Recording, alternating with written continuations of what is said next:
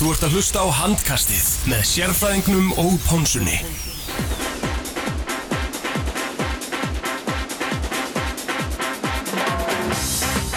Jú komið sæl og blessuð og velkomin í handkastið á þessu mánudags kvöldi. Pónsan hérna með ykkur, sérfræðingurinn og glæsilegu gestur Ásker Jónsson. Velkomin Geri, Jú, þakka þér. Þetta var að mættur hérna. eða ekki? Jú. Þrátt verir, eh, hvað, erfiðan, erfiðan gerða kannski? Einhverju leiti? Já, það var hérna, þetta var, það var erfur gertaður hjá okkur bóssablósum. Þetta var ekki, hérna, engi fræða fyrir í sagamirina. Því miður eins og, eins og ofta áður. Mm Fyrir það sem ekki vita þá er náttúrulega Ásker aðstóðhjálfari afturöldingar. Sérfræðingur, hvernig kemur þetta helginni? Það er ég bara nokkuð feskur Lánt síðan ég var jafn þurr eins og um helgina og, og hérna Kúlbett var að gefa Já, já, heldur betur. Þannig að ég bara bjarsinn, ég bjarsinn fram á morgundaginn Bankabókið lítið vel út eftir helgina. Já, Eitt tölvöld eitt- betur eitt er litla á barnum og, og, og bettið að gefa. Bara enga á barnum, Það er glæsilegt. Ég var ekki alveg samanpakkað, það er önnur, önnur umræða. kemur ekkert orð Við erum að sjálfsögja hérna í bóði Kúlbett í samstarfi við áttuna og tökum þetta upp úr eh, New Balance stúdíónu.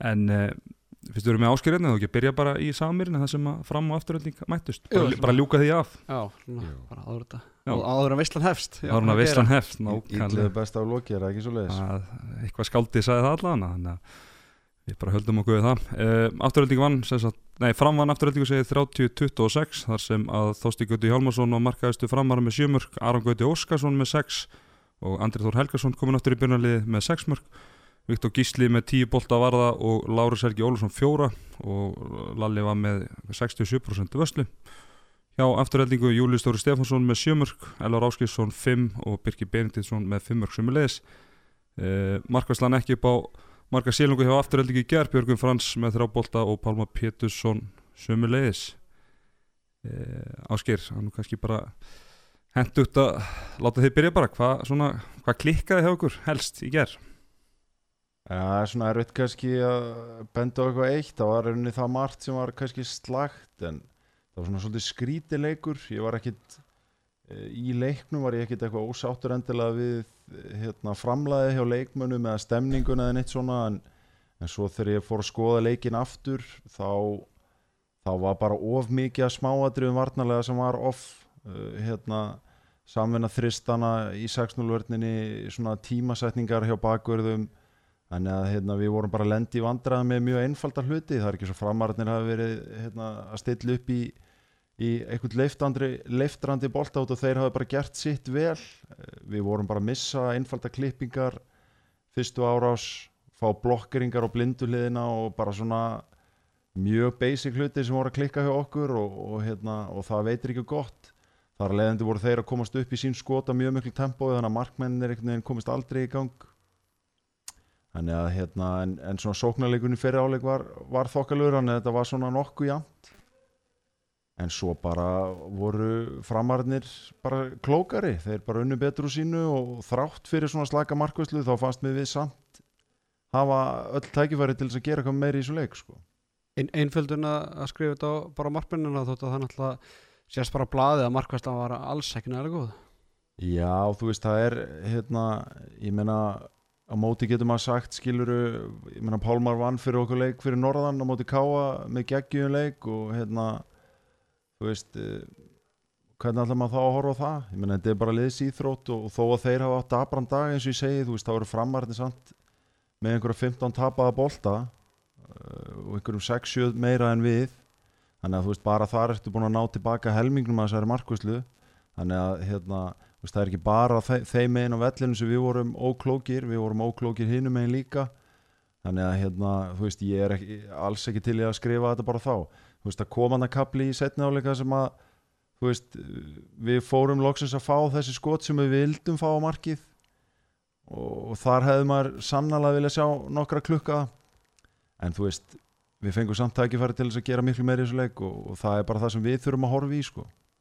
mm uh, eins og sagðir hérna hafa náttúrulega Arnór frá uh, svona ykkar helsti svona varnarspecialisti Bötti hann er frá sem leiðis Einaringi og, og Tummi er búin að glíma ykkur meðsli uh, hvernig uh, háði, háði það þeim teimu mikið þessi meðsli sem að voru að plaga á í vikunni?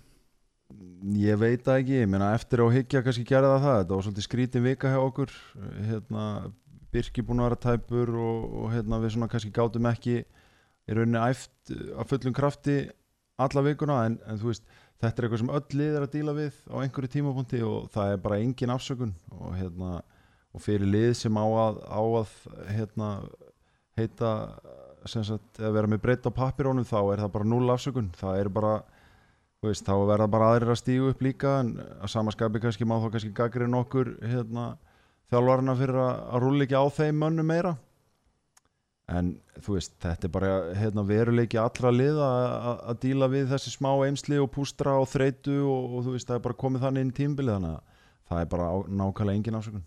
Mm -hmm. Þið eru núni í fymta sætinu 11 stík við vorum nú reyndar búin að við vorum búin að tísketa dildin hérna fyrir einhverju tveinu umferðum, umferðum en, en stjarnan er svona farin að anda ofin í hálsmáleiku með stíu eftir. E, svona þegar þið set, settust saman niður fyrir mótið hvert var svona markmið hjá okkur hvar, svona, í hvað sæti voru að horfi í sem ásættalett sæti til endi eftir dildakennina Við erum kannski, hérna, vorum kannski ekki að horfa í það til þess að byrja með. Til að byrja með vorum við bara, vildum við fá betri byrjun enn á síðasta sísónu og við gerum það svo sannlega. Eh, við viljum og ætlum okkur að vera í topp fjórum, það er alveg klart. Og hérna, en ég menna, ok, við erum að gangi gegnum erfiðan kabla, hérna, markmaðurinn, almarkmaðurinn okkar er mittur og, það er vonda með svo bötta og við erum að glíma ykkur smá meðsli og og þú veist þá, þá kom ykkur smá erfiðleikar en ég minna það er ekkert að fara að grenja við því. Við, við eigum hérna bara þrjá hörkuleiki fram á jólum og ef við klukkum þá alla þá erum við bara komnir á, á þokkalegustu braut.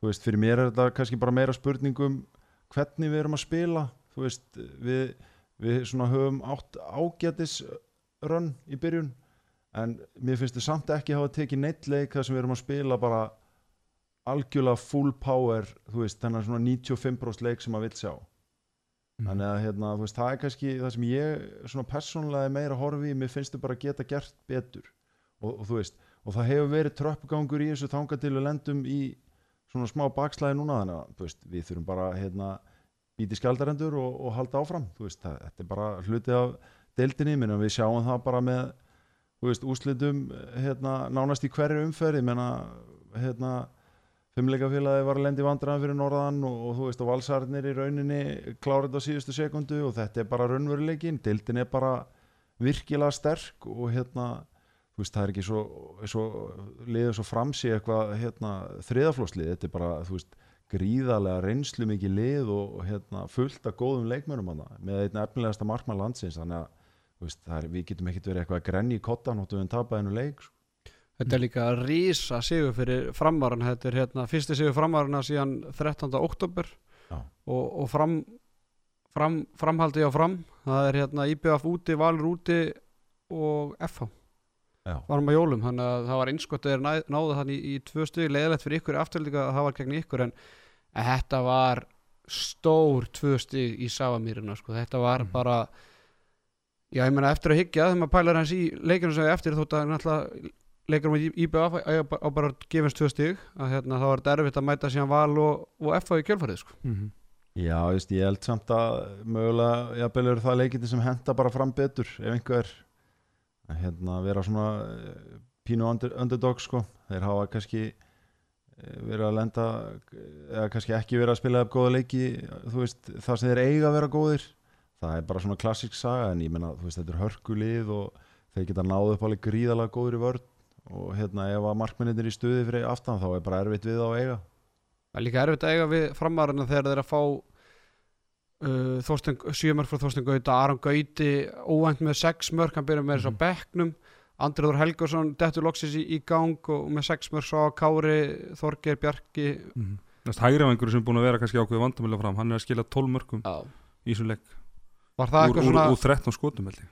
Hvað ætluð að reyna Því náttúrulega voru vel undirbúinir alltaf en því hljótið að hafa svona ætlast til að hæra vangurinn hjá þeim myndum skora minna en tólmörk Já, já, ég menna þú veist það er svo sem kannski eins og við spilum í gerð skipti bara eiginlega eiginlega máli hver var að skjóta markið sko.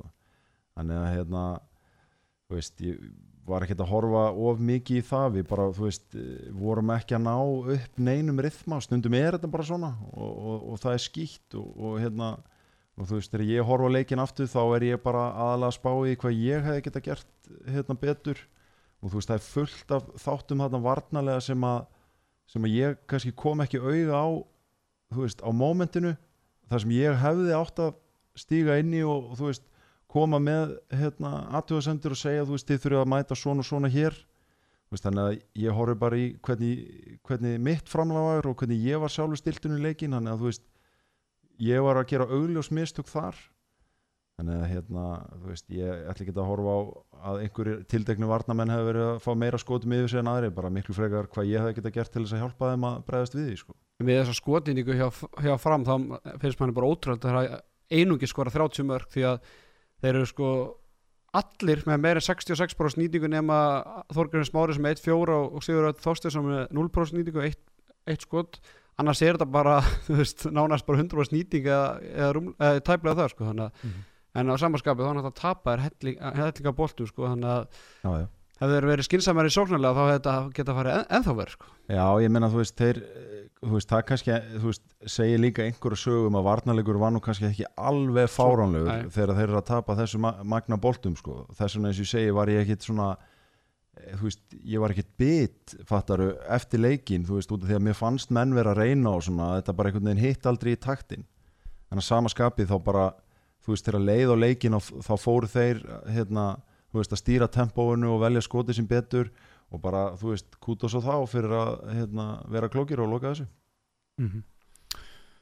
Er ekki bara komið gott að þessu leik? Það held ég Aftur laus, nei Er það áskölu við vind okkur á ásöldi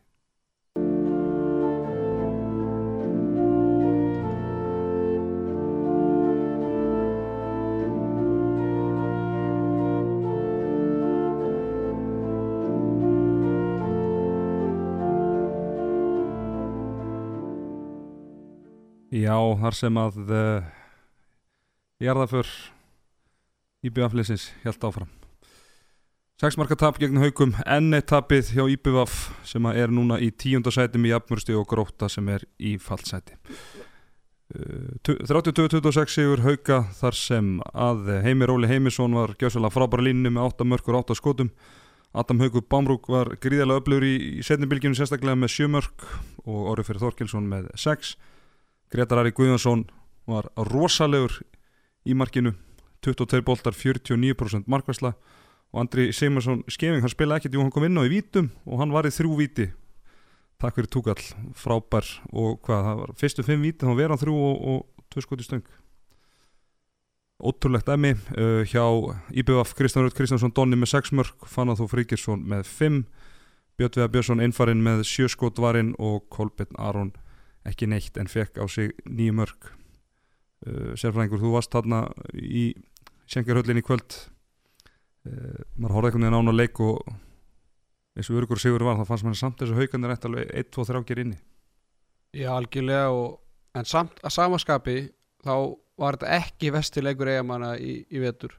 Heldur náttúrulega skotýtingin hjá eigaleginu var náttúrulega hrein hörmung sko og auðvitað er hægt að skrifa náttúrulega, Gretar Ari var náttúrulega frábær og svo náttúrulega þessi vítanýnding sko, klikka fimm fyrstu vítunum það náttúrulega bara segir allt sem segja þarf sko.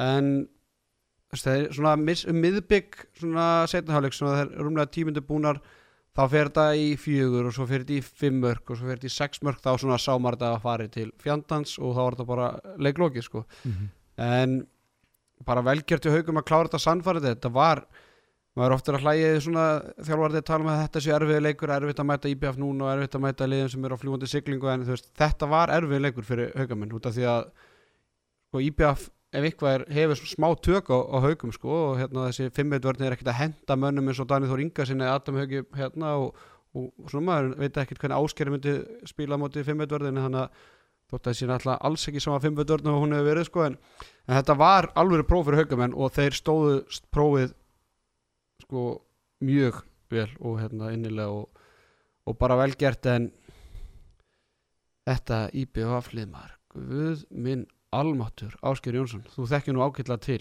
Mm.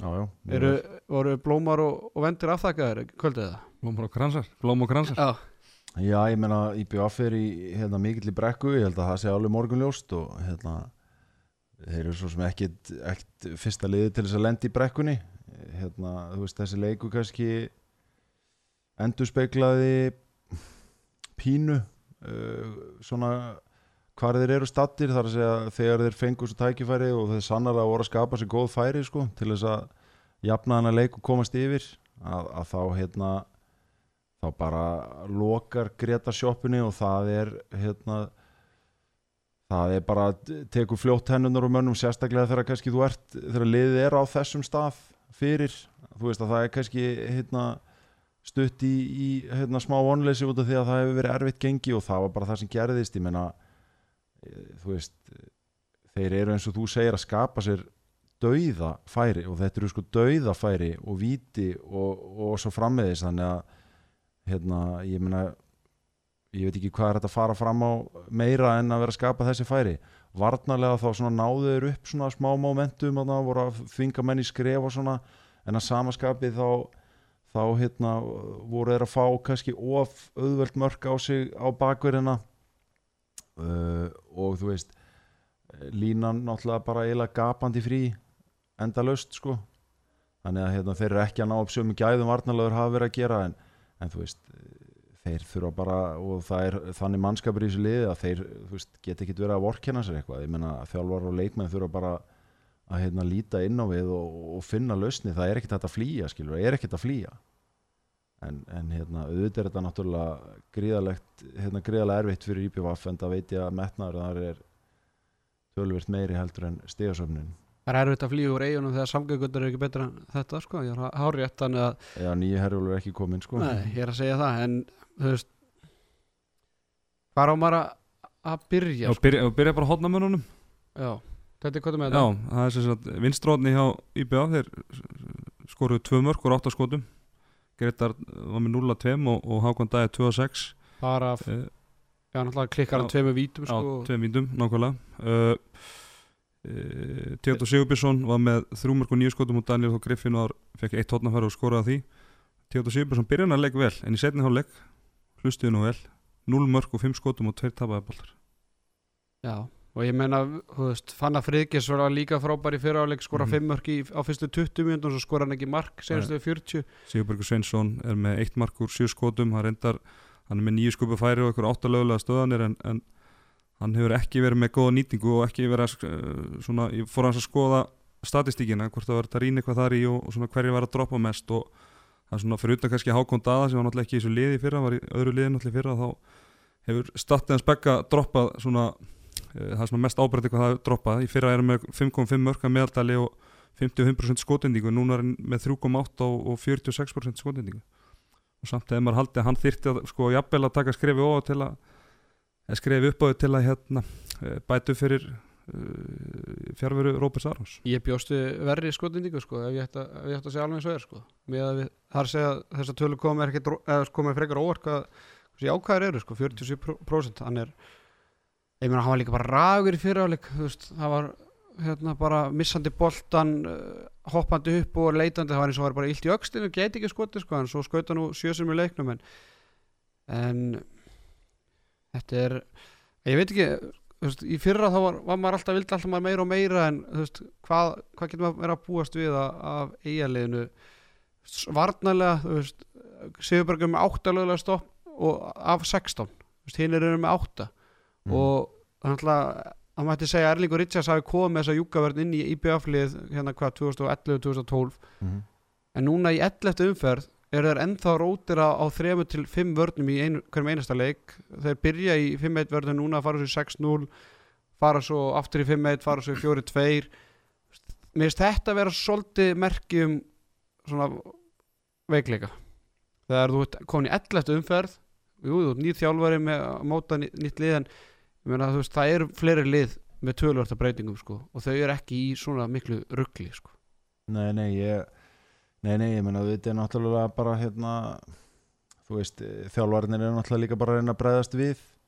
Það er spurning sko þú veist, maður náttúrulega veit ekkit hvað vinna er hann að baki. Þú veist, ef að menn eru sannlega að leggja inn á æfingum þú veist, massífa varnavinnu þar sem er verið að fara í allt þetta þú veist, þá, þá hérna veist, þá átt að geta spila góða vörn, ég meina hérna, ég, ég tala fyrir, þú veist, sjálfa mig að, veist, eins og í fyrra þá hérna, spiluðu við með IBVF-lið 4-2, 5 plus 1 6-0 og IBVF-vörnina þeir eru fjóra varnir en það var líka vissulega mikil vinna á bakvið hverja vörn.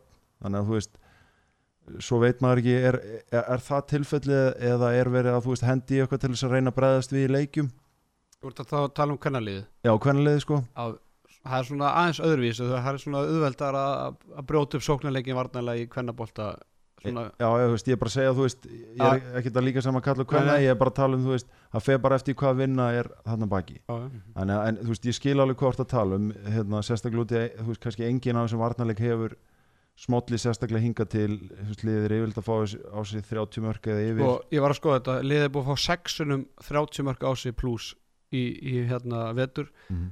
þeir fengu 22 mörg á sig í sigurleikum á Akureyri annars er þetta vera 27 pluss í öllum leikum Já, já, en svo sem IBF keiri samt líka rosalega hraðan bolta og þeir eru líka skora mikið þannig að hérna þú veist, þetta er svona já, þetta er svolítið skrítin blanda þú veist, þeir eru oftast að skora líka mjög mikið sko, en að fá rosa mikið á sig þannig að en svolítið mikið í vetur hafa verið að skora minna en aðstæðingur sko. Já, ég segi það, þú veist, þannig að fattar við, þeir, þeir, þeir eru þú veist, sóknuleikurinn er kannski ég veit ekki, hann er ekki góður þannig að hann virkar ekki á mann þeir eru samt að skora alveg slatta mörgum Það er rosalega erfitt að fara inn í leiki og vita og þarf að skora 30 pluss í hverjum einasta leik til að eiga möguleika að vinna. Já, já, það, það er það sko og, og ég held að hérna ég ætla ekki segja ég sem er einhverja löst fyrir IPVF en, en kannski þarf uh, þú veist í varnarleiknum að, að einfalda þetta aðeins þú veist og, og hérna þú veist varandi 6-0 vörn uh, þú veist það er það er engin að segja með það að IPVF get ekki stilt upp þrusu 6-0 vörn með þennan mannskap. Það er bara þannig. Og hérna og ef að, ef að, ef að þú veist, sá rithmi hefur ekki komið þá, þá þurfa leikmenn og þjálfara bara að vinna saman að finna það. Þú veist, þeir eiga að geta verið með þetta tvíkja sverð, þar að segja 5-1 vörnina sína og svo bara gegja 6-0 vörn líka en, en þú veist, svo er þetta bara þetta eru margi þættir, ég meina ég tal, svo, þú veist, þegar ég segja þetta og svo var, ég vandræðum í framleiknum í gær út af því að þú veist, við fengum ekki markvöslu og þá urðum við að koma framar og við fórum í, þú veist, 31 og þú veist, prófum 4-2 þú veist, í endan, þetta fer bara svo mikið eftir í hvernig kemistri að nýri liðinu, skilur að þú ert ekki markvösluna að þá, þú veist, eh, kannski vantar líka sjálfströstið í varnarleikin og svo fer þetta að vera, skilur, speilmynd eitt yfir áhrif á annað og, og hitt út tilbaka, fattar hann að þeir bara einhvern veginn hafa ekki náð upp rithmanum hinga til. Þetta er kannski erfitt að vera að blanda ásker í, í, í þetta en, en markvæslan er náttúrulega rosalur höfverkur í IBF-liðinu Mhm. og hérna Kolli náttúrulega byrja leikin og er með hvað 0 úr að fyrstu sjö skotunum Ní, ekki? Níu. Já, fyrstu nýju sko og, og Björn kemur sér inn á og veist, hvað er þetta til að til dæmis spjösa sem er að koma sér gamla heima hann varði einhver dauða færi skinn, hann endast hann bara með sjö mér var, svo, mér var sjaldan í leiknum einhvern tímann hann eiga að verja ykkur skotana Nei, með hann er, sko, skoti sem hann er að verja eru þú veist, þetta er kannski þá ennþá einhver leiti leikur, þeir voru ekki kannski búin að klára leikin, við erum hann eitthvað tvö viti og við erum hann frá Halldóringa hann í hotinu og var að verja svona alveg góða bolta, þessi sjöbolta voru flestir alveg svona mjög góði döðafæri, en það voru þetta meira að minna bara döðafæri sem hann var að fá sig sko. en að, þá, að, það sem punktur minni er skilur hversu mikill bara galli og bara skandallega hvað sem ég getur sagt er bara að IBF hafi ekki verið með markmannsmálin á hreinu þegar tímabilið er að hefjast Mhm. Já, við, við höfum rætt þetta bara í allan vetur, þeir fá hann einhvern króata sem var svo bara einhver vittlisingur og sem var bara sendur heim fyrir bara bæði, bæði handbóltilega getu og eitthvað annað. Ég meina, það, það skiptir ekki máli hvort það Já. sé í sko mestralokki eða yngri flokku með kvenna eða út í heimi eitthvað. Mhm. þú ferð ekki inn í tímabil með kannski einn og hóla markmann. Og ég meina kolli þú veist, síðan hvernig hefur kolli verið eitthvað aðalmarkmaður? Hann hefur alltaf verið með góða mann sér við hlið. Eða þá kannski þegar hann var í fyrstöldinni hjá IPVF og þegar þeir fara upp kannski og þið svo vera Íslandsmeistar reyndar með hann og Hauki Jónsson en, mm en svona eftir það þá uh, hefur hann alltaf verið með eitthvað góðan makkar, kemur hérna Steffen og Já, reynd, já, þegar þeir fara upp og, og hann, já, þeir eru Íslandsmestara Já, tvö ár. já, en, en já. síðan þá og, og, hérna, og undan því en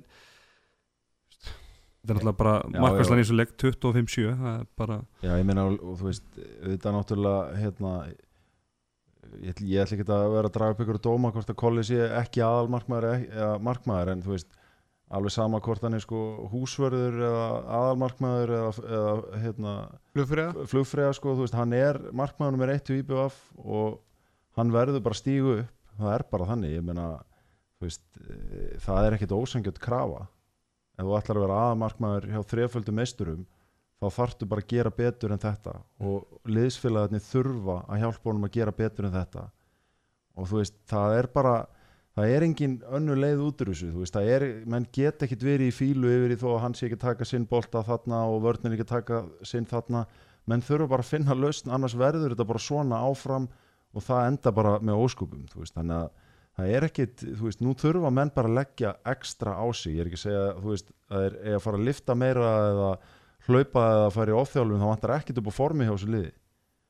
Þeir þurfa bara að leggja ekstra á sig og kafa dýpra til þess að komast yfir hennar hjalla Fyrir var ekki bara að reynsa hugan eða? Ég meina þessi skot, skotnýting en alltaf bara 80% sjálfstöð sko. Já, já, eins og ég segi veist, þetta er spírat Spír- skilur, og þetta byrjar að rúla ég meina, þú veist, ég ætla ekki að fara að taka tetta að lífi hérna, þú veist, ok, hann átti einn off hálfleik hvað síðustu fimm árin skilur þú veist, hann er hérna öllu í öfnu svona bara tröstasti leikmaðurinn í deildinni sko. Þannig að hérna, þú veist, ok þetta er, fyrir IBVF vonandi er þetta bara hræðilur hérna, þessi hálfleikur, hræðilur loka hnykkur á mjög slæmum kapla og því að ég einhvern veginn þú veist, maður horfir bara á hana mannskap og maður hugsa bara, veist, hvernig, þetta hlýtur bara einhvern veginn að snúast við, sko, það bara getur ekki hann að verið, sko. Ég er alveg sammála því og maður er alltaf að býða og býða en mér finnst ekkert vera á réttri leið. Nei. en hérna, svo er kláru bara íbjöð af þá hérna fór ég á setnahálfleikin og, og sér maður svona bekkin og svona og ég meina Kittu Erlingu, þeir voru bara farin að hrista hausinni við skotnýtingunni, sko, maður svona Já, ég meina, það er bara, hvað getur þú gert sem þjálfari? þetta er bara þetta er, það gengur ömulega og þannig eftir bara, herðu, nú bara þurfa að panta á sálfræðing, eða þá bara nú er sálfræðitíma bara næstu dagana, sko, þetta er bara Mm. þeir voru að koma sér döðafæri eins og tölum um en bara færinýtingin fe, fe bara meðan á leik. En haugarnir við meðum nú ekki gleyma þeim þeir eru á toppi deildarinnar. Já, en Já. e- eitt, eitt var þetta, sko, þú veist það er rauninni markmaðurinn í haugaliðinu sem skilur á milli þess að þetta hafi næstu því verið klassískur haugar í tu- 25 varið Já. mótið 7 en þú veist, en svo það má, það, það má heldur ekki gleyma því að veist, ef að þeir hefðu skorað úr bara helmingnum af færunum á þessum kapla Já. þá hefði þetta verið jafnleikur og pressan komin yfir á hauka og við höfum séð það í rimmum þessara liða ítrekkað síðustu ár að IBVF hefur tekið þetta í lokin tekið í lokin Mhm. eftir mjög sterkan haugaleik þannig að þú veist, Já.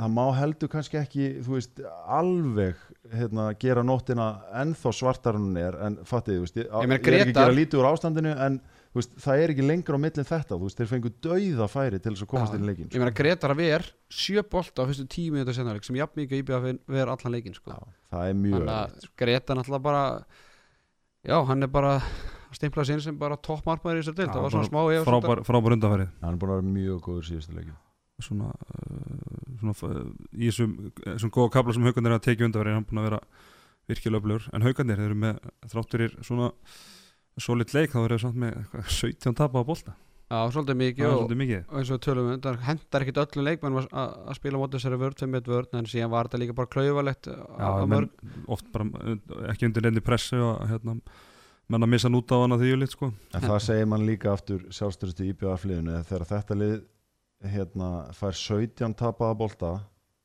þú veist það, það eru leikir það sem IPVF hefur bara eldin sko. rúllað Mm. yfir lið sko. Og það á að vera nóg til þess að komast á þann stað þannig að þú veist, aftur sjálfstyrsti kannski og, og trúin eðlilega eftir erfitt gengi kannski ekki nægilega mikil þannig að hérna, þú veist, það á að vera nóg til þess að vera með alvöru leik sko. Gummi Gumm, hann var á, á leiknum. Kristján Andresson líka. Þannig að það er að fylgjast með einhverjum í, í hauguleginu Danni Inga hann svona hann var alltaf góður í, í vörninni með eitthvað sex laglega hérna, stöðanir og, og tvo stóla bolta. Svona sóknarlega eitt þrýr en, en Heimir Óli 100% nýtingu 8 á 8 að, að mætti fleiri línum en taka þess setja fyrirmyndar Adam Haugur, annar leikinu röða sem hann er með eitthvað sjö mörg og hérna Pæli sér breytt í útilegunni á haugunum sko. Já, ég Bara- meina, bara Dan, Danni og Læðan sko, þeir spila bara já, ég meina spila, sko. já, spila alltaf sók sko. er bara og samt er þetta bara á, á móti íbjöð að finna bara með sex mörgum og, og tjörfi með 0 mörg, allir með eitt Danni með eitt ha- sko, Áskir 2 og svo er þetta bara Heimir, Adam, Orri, Haldur Ingi ég meina það er frábært að fá þarna tíu mörgur úr hotnum Mhm. og Já, en þú veist eh, hérna, upplegið hjá þeim hérna, Adam er að skona flest af þessum mörgum í setni bylgju síðan er þetta bara hotn og lína sem er bara þrátt fyrir tapaða bolta færin sem þú vilt fá á þessa vörð sko. þannig að hérna, ég meina það er alveg augljóst hvað upplegið var Mhm. vel leist Vel gert. Algjörlega Er ef ekki bara að fara á norður ekki vilja bæta ykkur við? Nei, bara haugarnar á topnum og hérna alltaf, Verða rauð jól? já, það er alltaf kemur ljós það er alltaf Mm. haugar FH á, áður en við förum í jólafrí en haugarnar eiga núna val á útöðalli og FH á útöðalli Já. næstu tveim leikjum þannig að ef þeir vinna það bæði þá er það komin í ansi góða stöð á, á toppi deildarinnar sko. Mm. Áður en með svo káa síðasta leikur jól Úff, þá verður hefnt sín aftur Já, það er aðtilsvært En á eftir að spila hellingshandbólta áður en að kemur að þeim leik Þannig að við skulum ekki fara missa okkur í því En uh, já, fyrir norðan uh, Káa á móti val Það sem valsarar uh, unnu naumansigur 22-20 Hjá Káa var uh, Tari Kasumovic með 6 mörg úr 16 skotum. Ekki nema, Ég held að hann hafi verið búin að taka 10 skot eftir 20 mínútur. Það er alltaf, á einhverju töflum hann á tímafélag sko. Hann er ekki smegu að lúra á markið hann Tarik en uh, Andri Snær Stálmúsin með 5 mörg Jón Kúkubót frábær í markinu 16 boltar 42% vasla hjá var Lantor Rúnarsson frábær 9 mörg uh, Magnús Óli með 7 Danli fyrir Andrisson með 11 skot varin en uh, 40% vöslu og eina baldin með 1 skot varið. Uh, Sérfræðingur, þú horfið nú á svona megni að þessu leik. Þetta var nú Þetta var torsóttur valsegur að þetta var ekki fallegt og hérna væga sagt og það ef ég væri ekki sko, auðvitað ég litaður valsari en hérna, ég ætla ekki að segja að Káa haf átt skili sigur en það ætla stiga eh, sigur hjá Káa hefði sko gert þess að deild ennþá meira crazy á hann er sko en, en Valur svona kemst þrejamörkum yfir hérna miðbygg setna áleiks og þá svona er erfitt fyrir Káa en, en bara velgjart að Káa að gera þetta á leik og ég hérna þetta er bara eitt mark þegar innan við mínúti eftir og hendinu uppi og þá kemur tvær mínútur og, og ég menna Magnús Óli klikkar og bolti við beint í hendunar orra fyrir þetta puntalínu og þeir fá frákasti og þannig að þetta svona spilaðist upp í hendunar og valsmenn sko ég get að límynda mér að þeir, þetta er svona leikur það sem er ekki ánar með spilmennskuna, það er svona pirrandi að vinna þannig leik að þú ert svona óanað með spilmennskuna en þú ert ánað með stíin en þú veist, við erum að tala um að sko Anton Rúnar sem er nýjumörk úr, hérna 12 skotum, þrjúmörk og víti þannig að hann er reynda bara að skrá með eitt tapbolt en mér fannst svona hann gera nokkur svona klauðuleg mistök líka varnalega Sérstaklega sem byrjuleik svo var hann alveg einhvern veginn, hann var ekki alveg í sambandi sko. Maggi Óli með 7 mörg og 14 skotum hann, mætti mikið á honum vegna þess að Robert Aron var bara í einhverjum öðrum heimi í þessum leik með 1 mörg og 5 skotum og svona alltaf Agnars Bári með 3 mörg og 7 skotum en alltaf tekin út að bara í snemma í, í hérna fyrirháleik bara, það sást bara í hvað stemdi Mhm. þannig að Maggi á settur hann að hæra með Já, ég meina, og... veist, Maggi þráttur að vera með 50 snýtingu og svona þá er hann satt inn á hér alla leikin út af því að hann var eini maðurinn og er bara eini maðurinn og ég ætlaði svona að varpa þessar spurningan ég er eiginlega búin að svara henni bara hver er besti sóknamaður í liði vals? Það er bara Magnús Óli Magnússon sko. Já, þú veist, Anton svo sem hérna, hann er kannski svona mesti Eilin, já, svona, já, þú veist ég er sammála, Maggi er svona hann er svona loka nikkurinn já, þú, þú vilt vera Maggi inn á þegar þú þart mark. Já, Því þú veist, hann getur spóla sig hérna, alla leið og allt það en, veist, góður að vinna mann og þetta er svona kannski fer eftir hvað sjónarhóttun setur á sko besti sóknarmaður en Anton er ok, hver er vera- besti skoran já, eða svona þú já, veist, ég segi það, hann er, hann er þú veist loka nikkurinn en, en hérna Anton hefur verið helviti drúur í, í mörgum leikjum í vetur sko. Þannig að þú veist ég myndi ekki endilega setja eitt framar hinn en ég skil hvað átt við. Hann Já. er, hérna getur verið alveg ótrúlega eitraður í að klára færi og, og, og loka erfiðum stöðum sko. Mm. Hann- segja það ekki samt um kannski gæðin í þessu lið að, að við erum að tala um tvo bestu sóknarmenn og, og kannski besti sóknarmar Íslandsmósi síðustu 4-5 árin kemur þá hvað í þriðasætti eða? Róbert Aron? Já, hérna. Já, Já, ég held að þú veist, hann er bara hérna hann, hann á eftir að sína sitt sko. Já, ég meina, ég meina, hafa ekkert verið eitthvað að blómstra, að blómstra hérna fyrir árum og undanfarið, sko, þannig að Nei, nei, en þú veist, þegar að Róbert hefur bara sínt það að, að hérna, þegar kemur að leikjónum uh, þar sem að hérna, mesta pressan er þar er hann bestur. Og það hefur alltaf verið þannig Mhm. og ég sé ekki að það verði þannig nokkuð breyting á því ef að Valur kemur sér í þá stöðu í, í vor sko. Eh, en vörn og markvæsla hjá Val það, það er svona skóp hennar sigur Já. það halda káa bara í 20 mörgum Já, und, ekki bara það heldur sko eh, þe þú veist, þeir eru að halda þeim í 20 mörgum og þeir eru sko káamenn eru með hvað segir tölfæðan okkur? 70% af skotum fyrir utan.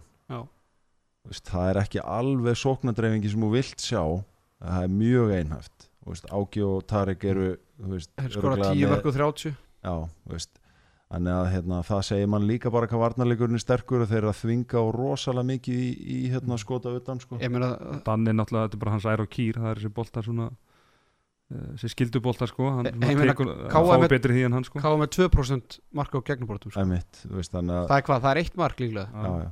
Þannig að hérna. hérna, reikningurinn er maður, ha, eitt marka 20 það er 2% það er ekki, Nei, nei. Þeir eru þeir eru en, en þú veist, það, ég meina valsarnir eru búin að vera að spila frábæna varnarleik og, og hérna, en, en samaskapi hefur sóknleikur þeir ekki endilega verið eitthvað þöndir þú veist, en, en hérna þeir eiga mikið inni þar.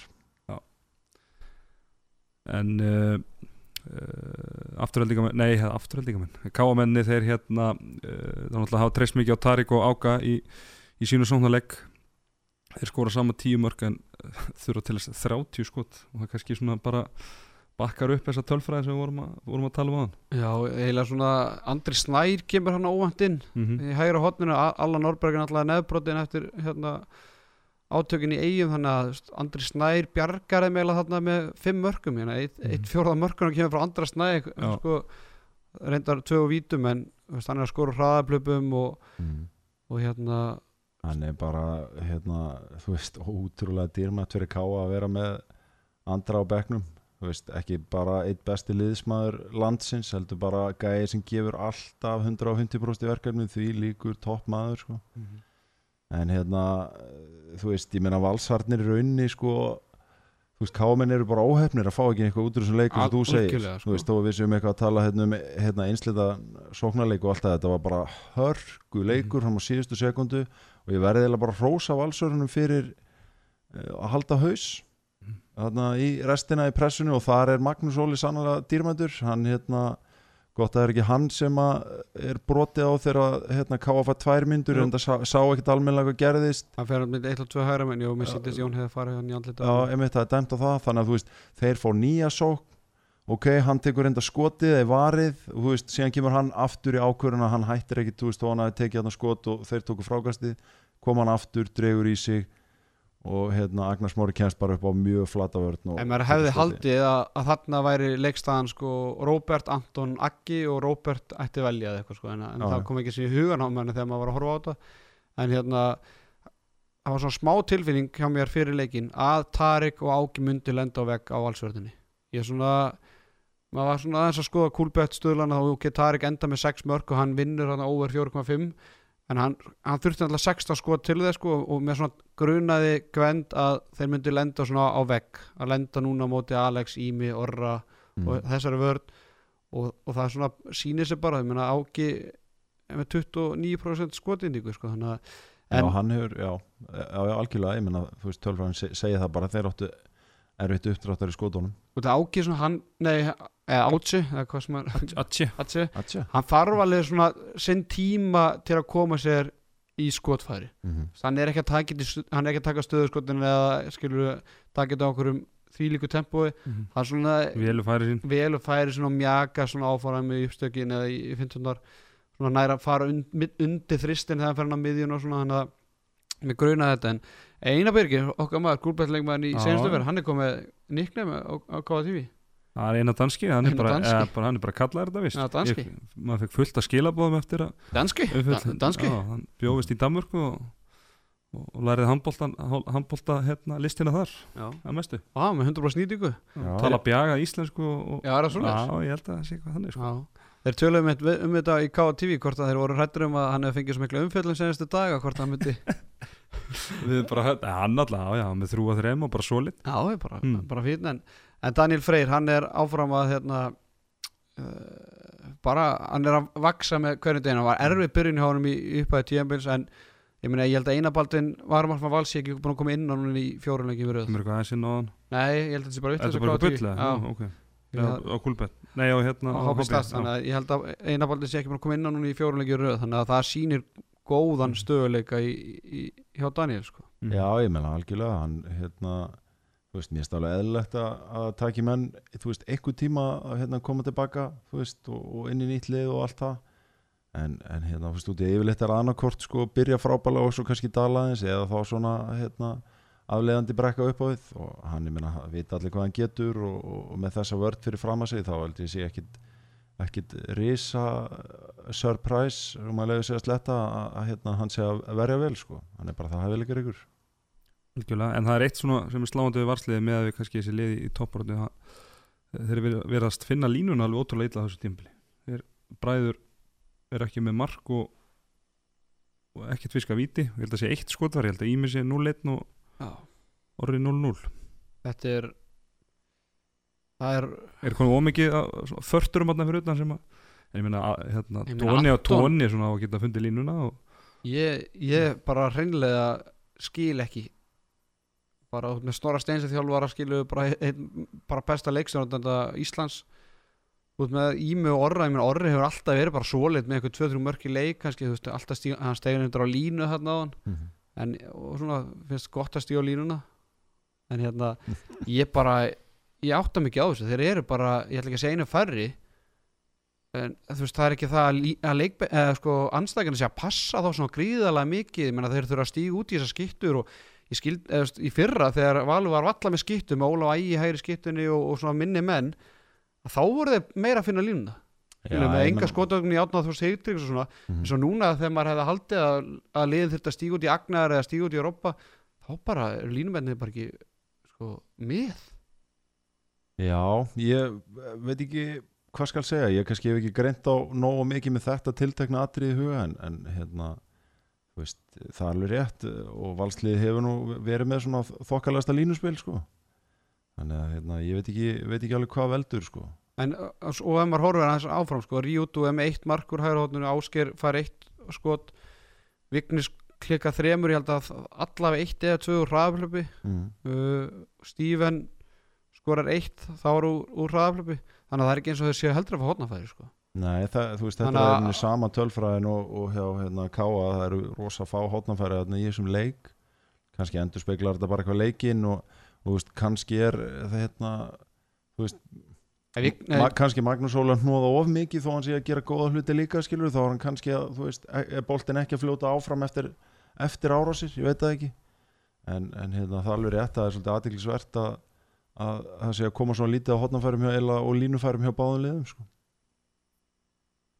En tvö stig Já. í, hús og hérna er bara gríðarlega sterkir punta fyrir val Mhm. og, og hérna, þeir hafa alveg kannski veist, verið að missa niður leiki sem eru þú veist, hérna jafnir Já, ég meina, ég, bara, þetta leit út fyrir að gáðar á jafn þetta, sko, Já. og þá bara vu frá F-leiknum og vu frá framleiknum fyrstu umfyrinni og Já, já. þannig að, Já, ég, algjörlega, þannig að þú veist fyrir þá bara, hérna, eins og segi, bara hrósaðum fyrir, fyrir að halda kúluna þannig restina ég búið kúlbett algjörlega. Í búið kúlbett er þá skulum við ekki fara hann nokkur undur metra í bænum og í höllinu á Akureyri þar sem að Akureyri vann góðan sigur á FH 27-26 þar sem að Íhor Kopsinski var með 5 mörg og Hafþór Vignesson sem leiðis en hann var með ykkur 12 sköpu Hvernig fór leikurinn? Hvaða leikur er þetta segir? 27-26 Akureyri FH Þetta Já. hlusta drengur? Þess maður getur gæm að sketa Átni Stefán átti að vera hérna í settur í kvöld en hann aðbúða sig eftir að káa vannleikin með þurfa ekki að tekið En svo kemur, svo kemur Geiri Jón sko ah, eftir tap sem aðstofþálegur og honum er skýt saman sko, hann, hann, hann sinnir þjóðinni sko. Þetta er gamli skólin, gamli skólin Mario Alex F með nýju bólta var það og grenni við þessu sko. Arnóð Fylkisson þrjá. Uh, hjá FA var Einar Rafn Eðsson með 11 mörg uh, frábæleikur hjá Einari Ágúst Birgisson flottur á línu með eitthvað fjögur mörg og, og fimm fisku víti. Bjarni Óföðu Valdimarsson með fjögur mörg sumulegis Kristófi Fannar Guðmusson með 10 bólta varða og Birki Fannar Bragason 2 uh, geri, við vorum myndið þættinu fyrir helgi. Þá rálaði ég hlustendum okkar að setja pening og akureyri þar sem að ég taldi bara uh, er nú mikilvægi ásað það mikið fyrir F-fólið og það var djúsi stuðl og akkari sem er Er það málið? Er áspytt fyrir þessu svona rosalega mikilvægi fyrir F-fólið? e, Já Ég held að sé ekki að hægt að halda neinu öðru fram en ás, áspjöld sé gríðarlega mikilvæg fyrir þetta F-fólið en það bara verið eitt besti leikmaður deildarinnar Ég ætla ekki að segja að þú veist þeir get ekki unnið akkurir þótt að ásið sé ekki með en þú veist eh, já, það. ásið er allt í öllu hérna, í, í þessu F-fóliði, það er bara þannig eða bara- hann hefur verið það allan það sem hafi tímbils Nei, ég meina, tölvöldum segja bara sig já, ég segi það, þú veist, hann er frábæleikmaður FH getur ekki gæti ekki unnið leik. Með mig, út af það því er að bara áspilnum var ekki. Allan að gaf Þú varst alltaf búin að halda því fram. Já, já, og hérna, sumi voru sammála mér, það er ekki ATP var sammála. Já, eða svona allavega í, í, í dag eða í gær hann var hann alveg já, sagði það að peningarnir ávöxtin á peningunum og akkurið höfðu nú hækkað töluvert eftir leikin já, já, þú veist, ég minna að þetta er kannski ekki eitthvað besti eh, hérna, F-fóleikurinn augljóslega ekki en það tapaðir.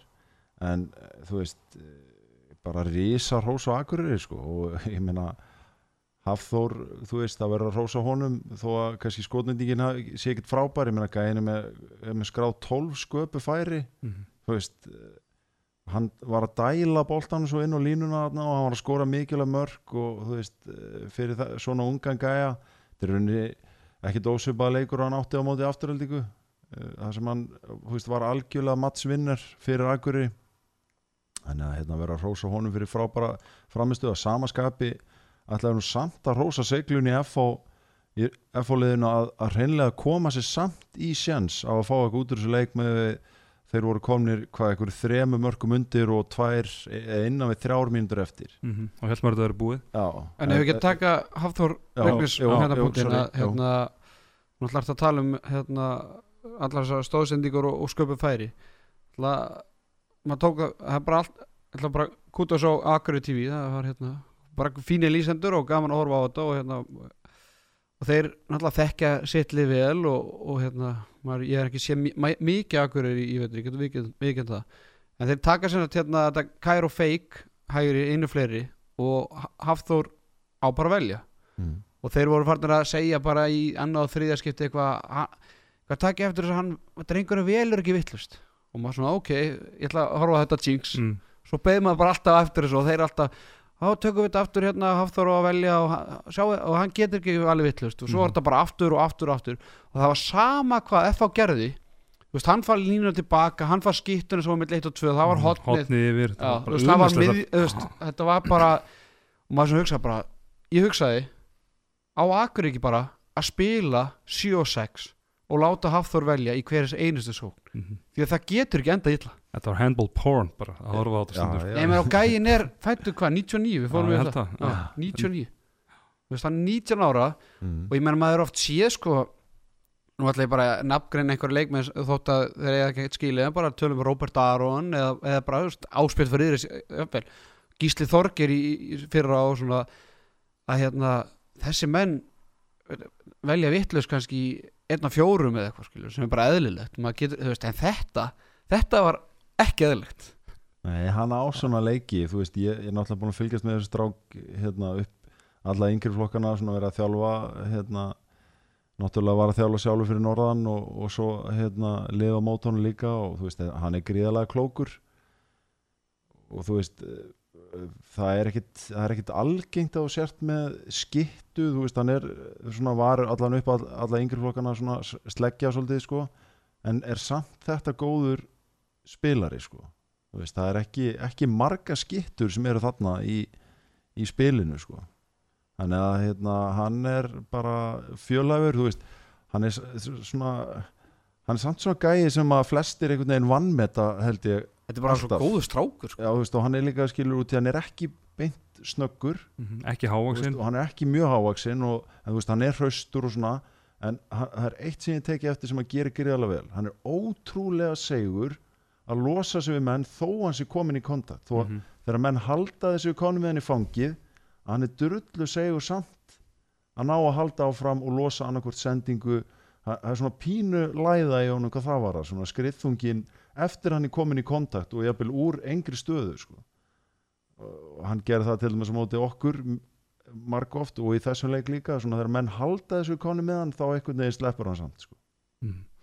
menn vildu meina Það er frábært. að F-fangendur hafi jafnvel bara tekið samningi með sér norður og, og erum bara með hann í liðatöskun og kvitt undir bara þeir falla sko Já, þessi leikmaður- gæi verður ekki þessi gæi fer í eitthvað betra lið eftir tímabili ég held að það sé alveg. Sérstaklega þeir falla sko en, já, Ég menn það verða, þú veist, ég, ég, ég ætla ekki að fara að ákvæða hvað hann gerir en, en hann, þú veist, það verða verða hérna, mörglið á eftir honum. En það er ekkit margir ungir örfendi gæjar sem eru að performa betur en hann sennilega engin, nei, nei, menn, hann er bara ekki hans stöður stöðu og sko.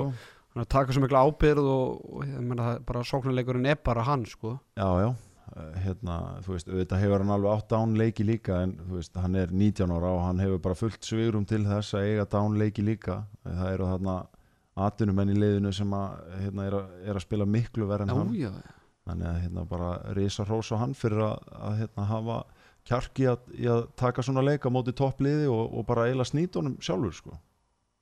mm góð dagur skrifstofunni Einar Rapp hann svona loksins fór hann í gang. Kannski þurft að búin að vera í vandræða með öxlun á sér en, en hann bara nettist til að skjóta mikið í gær og hann enda með 11 mörg og 9,9 í sóknarengun á, á Happy Stats. Það er ákveðt vítaskipti sem F-fangendur eiga já, áspilna alltaf bara besta vítaskipta landsins og svo kemur eina bara þvílitt örugur og bara leikur sér að Marius og Arnan í markinu sko 7 á 7 vítum. Já, Já, þannig að það er ekki ef, ef ég væri að keppa við FH þá myndi ég nú bara frekar leifa mönnum að, að fara í gegnum 1 og 2 eða í í staði fyrir að, að brjóta en, en hérna hvað, hann er að drepast í öxlinni mm -hmm. og það er bara svona ef allt væri eðlilegt og hann væri bara svona vennileg borgari þá væri hann búin að fara í aðgerð en bara FH hefur bara ekki efna á því þannig að á honum er hálf lömuð og það er ekkert grín að vera að glíma við axlamisli sérstaklega út handbóltamaður sko.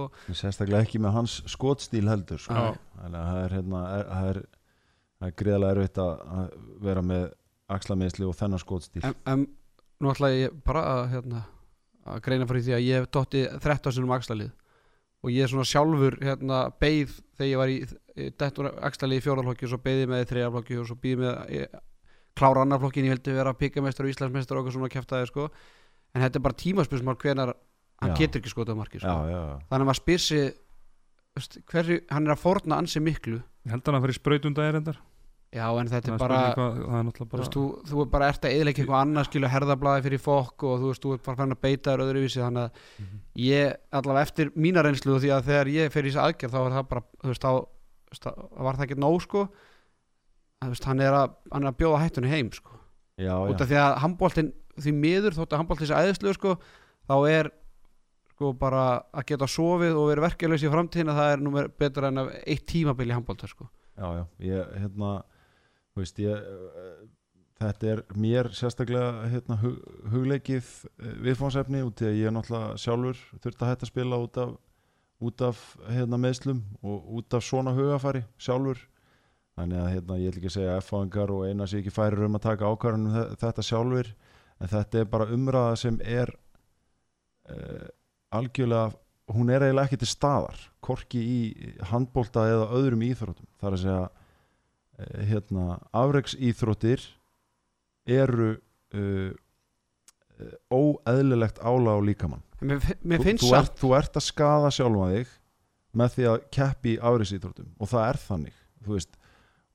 Það, ég veit ekki hvort þið presentera þannig fyrir krökkum veist, eða bara yðkendum almennt hvar ábyrðin nákvæmlega liggur með þessa hluti út af því að veist, liðin þjálfararnir svona, þú veist, sagan segir að þeir, það er ekki þeir sem taka þessa ábyrð leikmenn, íþróttamennir á endanum standa uppi með að bera ábyrð einir þegar hérna þegar þú veist, allt er lagt á borðið og talið og ferillinni búin og allt þetta. Þú, þú berð ábyrð á því hvernig þú hérna, kemur fram með líkamæðin og hversu langt þú ítið er þannig að hérna, þetta er mér, mér finnst þessu umræða mjög vannþrósku ég er ekki að segja, þú veist ég, ég skil þetta 100% þú ert afriksýþróttamæður þá, þá ertu sífelt að taka áhættu með líkamann. En menn verða líka að vera meðvitaður um hverjar afleðingarnar að því geta verið.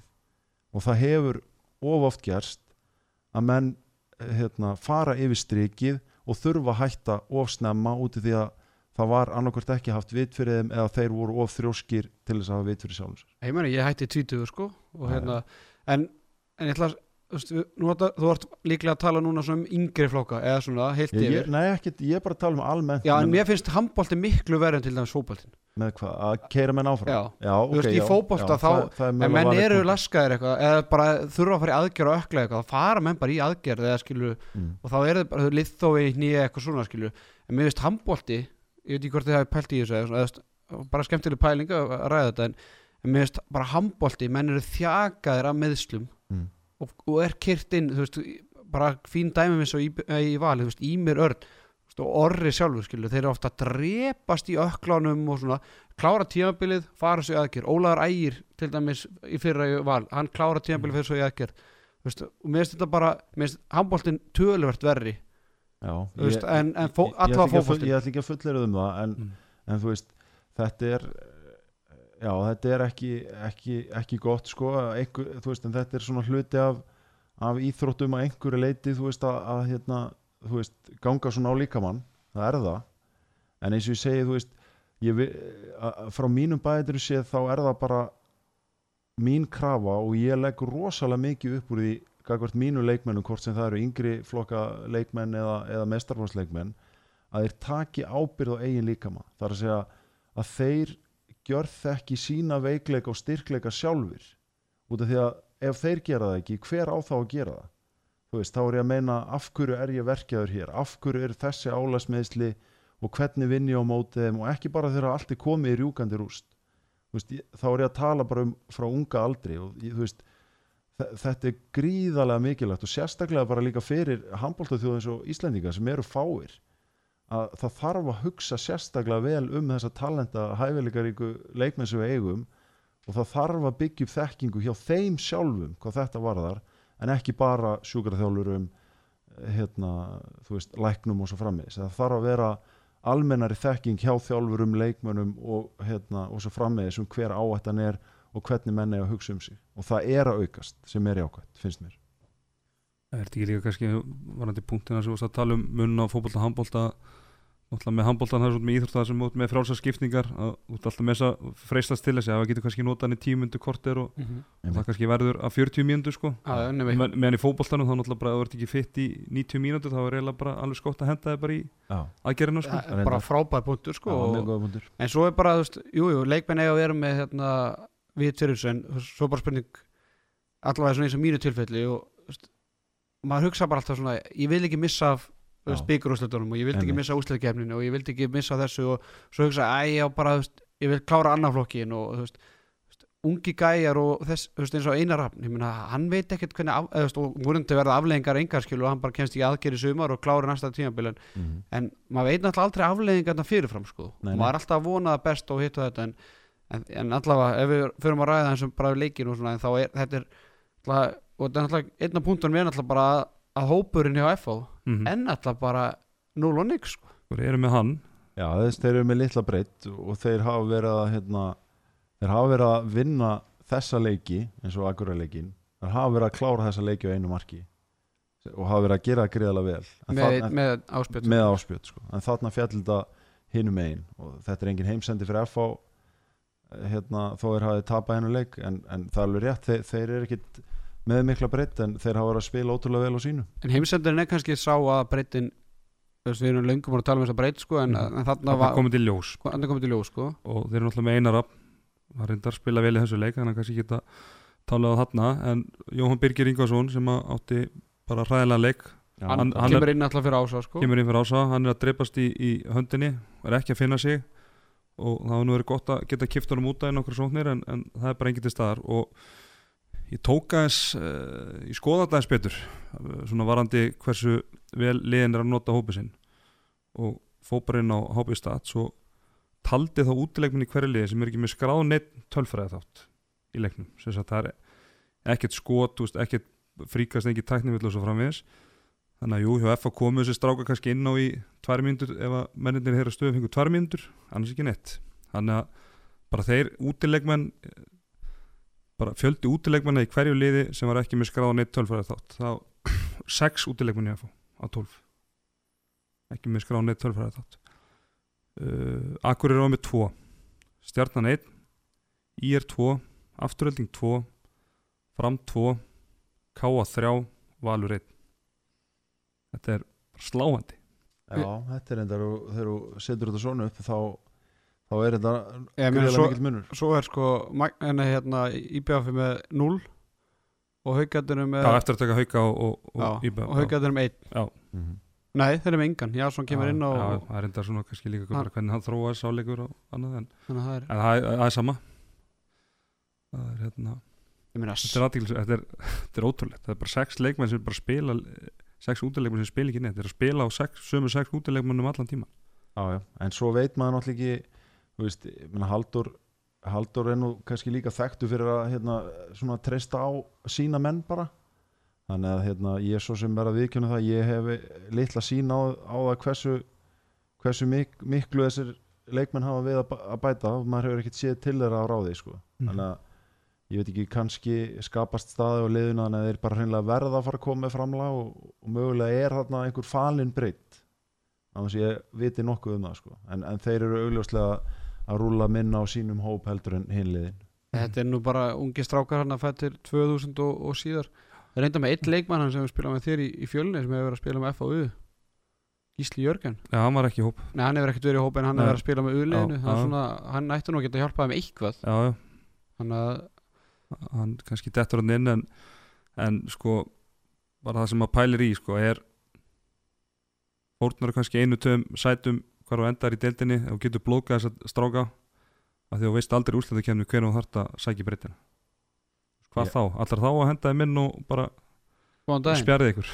Já, ég meina, veist, þetta er alveg valið punktur og, og kannski einhvað sem að uh, FH hefur kannski pínu brent sig á þegar að vera mjög nála tillinum mm sérstaklega í þessu innvíða mútið valfansmanni þarna. Já, en, en þá, þá voru við jafnvel kannski með enn betri leikmenn eins og Ísak og svona sem voru kannski kaldir Þegar að, þú veist, eftir hérna, eftir kannski að fengið að spila hérna lítið sókn og svo frammiðis en, en ég veit ekki, ég held sé er þetta að líta svona langt fram á veginn þetta er auðvitað bara mjög valið pæling samt sko, ég meina það mun reyna á þetta þegar þegar hérna framlega stundir og ef að einar versnar í aukslinni þá mun heldur betur reyna á þetta þannig að en svo veit maður ekki, ég meina hvernig hérna Birgi Már er búin að vera að spila mögulega hérna eiga er eitthvað kjúla í hotni og hann getur bara verið nýji einar og verið bara ótrúlega skita þú veist.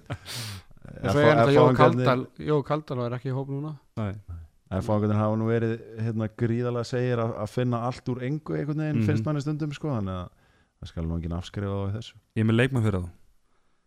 Nökkvildan Elliðarsson, fjóli hann í januar ja, Er það morgunljóst að hann kemur heim? Já, samkvæmt Daða samkvæmt- Lagstall Já, Nei, bara samkvæmt heimildum handkassins þá Ok, fekk hérna nökkvi Dan ekki fram eða það var ekki samiðan ok. áfram. Já, já, já. í Arendal og hann er á Nei, menn hann er bara samlýslaus um áramótum sko, þannig að hann er lausu liður.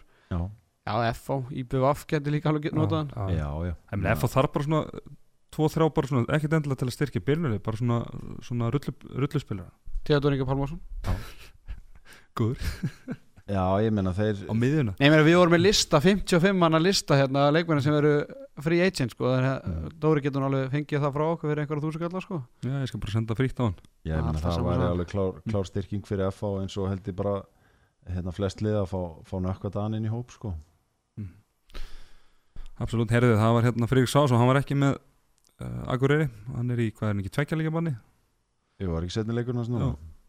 Ég held það, komu tvö nýjum upp þarna alltaf einhverju línumenn á Akureyri sem að fólki þekkir ekki sem að áttu bara uh, flottan leik. Þetta voru þeir uh, Artur Gilvi Finnsson og Þórður Tandri Ágússon Þórður Tandri þarna með sérstaklega góð innkomi þarna í lókleiks og strifan honum? Já, þetta er svona alvöru, þetta er kökull. Eru allir, mér finnst einhvern veginn allir línumenn frá Akureyri, þeir eru svona bilinu 1 80 til 185 og svona 110 kíló af öðum Já, vel ráir Geiri, hérna, skildi eftir litikafrágrum sitt þegar hann var og hækkaði meðal það hérna vel þegar hann fór norður. Svakalega vöðamenning hérna á, þeim fyrir norðan. En ta talandu línumenn. Mm -hmm. Náttúrulega Gústi Birgis hann hérna hann skorar alltaf og hann er, það er eitt að við erum að tala um val á hann og finn ekki línuna sko en ég er mér sko hann fær marga post á línunni sko Mhm. og hann er bara ég, hann er bara dundraði stampínu inn á línunni í sókninni sko. En ha- sókna, eh, skotendingin hans hún Mhm. er aðeins talað Já, hann er búin að vera með 4-8 núna í síðustu timleikjum en pæli í þessu, hann er með fjögur mörg Átta skot. og fimm fisku víti hann er að fá rétt á er bara- á línuna hann er bara eins og Tarek þetta er já. hann, er bara með, hann er með næri ekki æð sko. En af hverju er Kári Kristján ekki með þessi tölfræði í BVF til dæmis? hann alltaf spilar aldrei fyrsta korteri til að byrja með En já, þú en, veist, en, já, já, það, er- það er hérna, alveg það, það er, Ísskápur? það, já, það, það er kannski eitthvað fyrir IBF til að hugsa um eða, hérna, þegar þú ert með eh, þessa skeppnu á línumanni sem Kári er mm það er hérna þá ætti hann að vera í, í þessari tölfræði hverjanleik held ég. Já, en ef við förum ekki aftur í það. Já, Kári er hérna. Kári með tvö skot á línunni og, og hérna tvö fisku víti bara dundur á mitt leitt og tvö og taka hotna einlýsing og láta hann blokka að halda og ringa í þessu tilfellum á haugunum eða, mm já, eða orra, skilum við mig þú þarft ekki að flækja mikið meira þú ert með 130 kíló mann á línunni sko. Bara hendi í hendunar á hann og láta hann snúa sér sko. þetta er ekki þetta er ekki flókið sko. Það er vel gert Akureyri. Já, og bara bara- frábært líka fyrir deildina að þeir komist upp í 5 stig. Ég meina þeir eru ekki nema þeir eru 11 stigum frá toppnum sko. Mm já, en þeir líta jafnvel kannski bara í 10. seti þeir eru bara einu stíði frá IBF núna og tveimur og eftir fram og þetta var líkild sigur. Og þeir eiga náttúrulega bara þeir eiga hérna Káa í þarnastumferð það er IR og, og svo Káa þannig að Það er alltaf sko. unun að horfa, horfa á þá leiki. Að fóða loksins sjónvarsleik úr höllinni. Það er alltaf, það alltaf Káheimilið en höllin hefur svona verið að sitja í hakanum. Það væri mjög Vissu þið eitt? Að Káa Akureyri megi ekki spila tvo heimalegi á sama kvöld eða skilur ekki saman dag, þetta er alltaf sikur daginn. Já, Já ég held að megi ekki en ég, út af því að valsmenn ætlaði að reyna að færa þennan leik fram á sunnudags kannski skiljanlega. Já, en það er bara, ég veit ekki hvort það sé st- stöð 2 sem get, höndlar ekki kameru, kameruna á báðum Ja, völlum þetta er, lög- þetta er löggæslan. Já, mennar já, þetta er aðdeglisvert já, þetta er það. Ég veit ekki hvað heldur mm. ég ætla að skrifa þetta á stöðisport já, já, fínt, fínt. Að kenna þeim bara um allt. Er það eitthvað eftir í uh, þessar þessar umferð sem er, já, það er fyrir utan, utan leiki sem er eftir eh, sem verður spilar á miðgudaginn uh, Stjarnan í er 34-27 fyrir stjörnuna sem kannski gefur ekki alveg rétt að mynda hvernig leikur að þróa svona fyrstu hvað 40-45 minútunar eitthvað slis uh, Hjaltur Alfredsson markaðistur hjá stjörnunni með 8 mörg Ari Magnús Torgesson vaknaði loksins með 7 mörg og Arandó Pálsson og Eitt Magnússon með 6 Sveinbjörn Pétursson með 14 skot varinn og Sigur Ingeberg Ólafsson Siggi Seðill með 7 skot varinn wow. 70% já, sterkingum á honum það var ágætið sinnkoma og ef ekki að hérna smá tribute fyrir okkar mann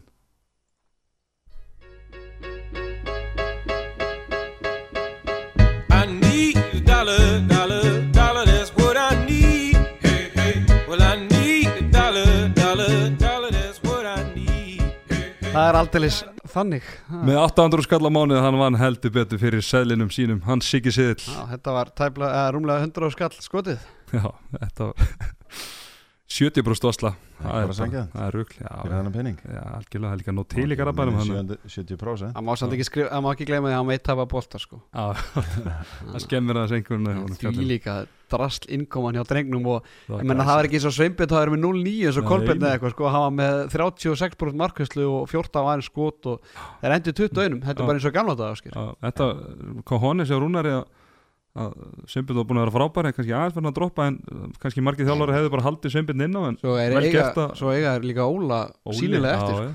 já, Þetta, er, að- þetta er besta markverða tríó landsins. Ég er það ekki átt sens ef þessi leikur væri 180 myndur þeir ættu Óla inni og... ég meina ég held að ef að hérna, Sveinbjörn og, og, og Sigurður halda áfram að verja svona þá held ég að stjarnan geti hérna biti all hressilega frá sér í allar áttir sko ég meina þeir eru bara hæð í, í vörn og, og allt það sko þeir eru konni með 10 stig og fjóru Já. stigum eftir öðru setinu og Mhm. hérna já, já, heitasta liði í nómber, unnu alla leikinu deildin í nómber Já. en við kannski farið í er, er, er Rúnum að tapa síðan hann kom í hangastið? uh, bara einu byggaleg Já, einmér tennir það ekki með nei, nei, nei eru Björgun Hókisson með sjömörk uh, Sveitn Jónsson frábæra línni með sjömörk sem er leis Sveitn Andri Sveinsson uh, líklega með sinn besta leiki vetur sex mörk þar uh, aðrir áttu bara vondan dag getur við sagt. Uh, Stefan Nílsen með sex skot varinn og Adam Torstensson með ágæti singumu fimm skot uh, varinn. Uh, strákar þetta uh, þessi leikur snýst í rauninni þegar að leikir. Björgun Holgersson fær þetta klöfulega rauða spjald og, og svona svipum tíma kemur okkar maður The Dollar í- í rauðarspjald sem. Bjarni Fritz hefur síðan eða heimskulegasta brot Já, þetta var nú Uh, verið að viðkynast Þetta var svona y- þetta er bara skrítið brot sko. Já, hann sagði þetta er heimskulegasta sem ég sé á æðinni Það er mjög mikið Bjarnar Friðsson lína samt sko. Líka við, sko, við Björgur Hólkes sko, ég, Já, Það spurning hversu mikið húmor hann hefur haft fyrir þessum En Þetta er bara, hérna, Bjarni Fritz hefði bara sagt þetta sama hver hefði brotið sko, þetta er svolítið hérna, hans lína. Það var galið, Björgi alveg búin að vera sjóðandi heitur sko. Já, þetta var líka, þetta var bara svona, þetta var ótrúlega skrítin sena, mm. Hérna, þú veist, mér fannst nú íringarnir alveg eiga tilkall til þess að þetta væri aukakast sko, mm en Já, í, var, í sókninu undan já. nei, bara þ- í þessu atviki sko, Nú ok þú veist, hérna, man ekki hvort það var Ari sennilega sem er í bakveri sem svona ríkur út, hérna, í Sven, Svenna Já, að þeir eru tekur- að missa boltann. já, Já, já, tekur já, fyndun á já, miðinni og mér fannst hann, þú veist, hann dettur eða lætur sér detta eða hvað sem er og svona tógar hann aðeins messi niður hann að missi jafnbæðið Missið síðan boltin í veist var það nógu lítill kontakt til að vera ekki aukast? Þú veist, mér hefði þótt sangjand að dæma aukast þarna en ok, þið gerðu það ekki. Og það er réttlega náttúrulega ekki að, að Björgvin einhvern veginn bara, ég veit ekki hvað, þú veist, ég skil ekki alveg hvað, hvað hann ætlaði hann að gera, þú veist, hvort þetta var sko, þú veist, út í að hann eh, tók um öklan þú veist, meitna hans í öklan og ætlaði hann að grípa í Bjarka til að milda fallið, þú veist, þetta var svo skrítin sena sko En ég meina, er ekki allir cool eða? Bjarni Vikkos hann er svo geggjör Þetta mæk þegar maður skiptið og hann tómar á mækin og hann tekur á bekkin Getur Bjarni Vikkos ekki verið bara alltaf í sjónvarsleikjum eða? Er ekki alltaf cool? Er ekki alltaf cool? Nei, ég meina, þú veist Þetta er Æðislegt, æðislegt Nei, menn hann, veist, hann hefur dæmt sko einhverja 20-30 leiki hjá mér í Já. yngri flokkarum og þetta er, maðurinn er náttúrulega bara Þetta er veist þetta er uppistand sko. Já, Já, hann er flottur. Líka, er ekki allir cool, ég hef ekki heyrt þetta bara síðan sko. Hann er greinlega virkur 96 á kúlbettinu sko. Þetta er búið kúlbett Það var búið cool bet Já, ég var ánægðið samt með hann að hérna hann, hann hérna hann datt þó ekki í hérna hrókan og, og eitthvað að skamma menn eins og hunda sko, hann tók bara er ekki allir cool? Og, og hérna þar með bara slögt hann eldin sko. Þetta var geggja sko. Við dæmi leikin er ekki allir cool? Já, er ekki allir cool Já, já, Já, þetta var, þetta var hérna góð sena. Þetta er mjög gott. En Eh, ég menna, höldum áfram að tala um þetta. Já, bara þeir íringandir eru 22 átján yfir. Mhm.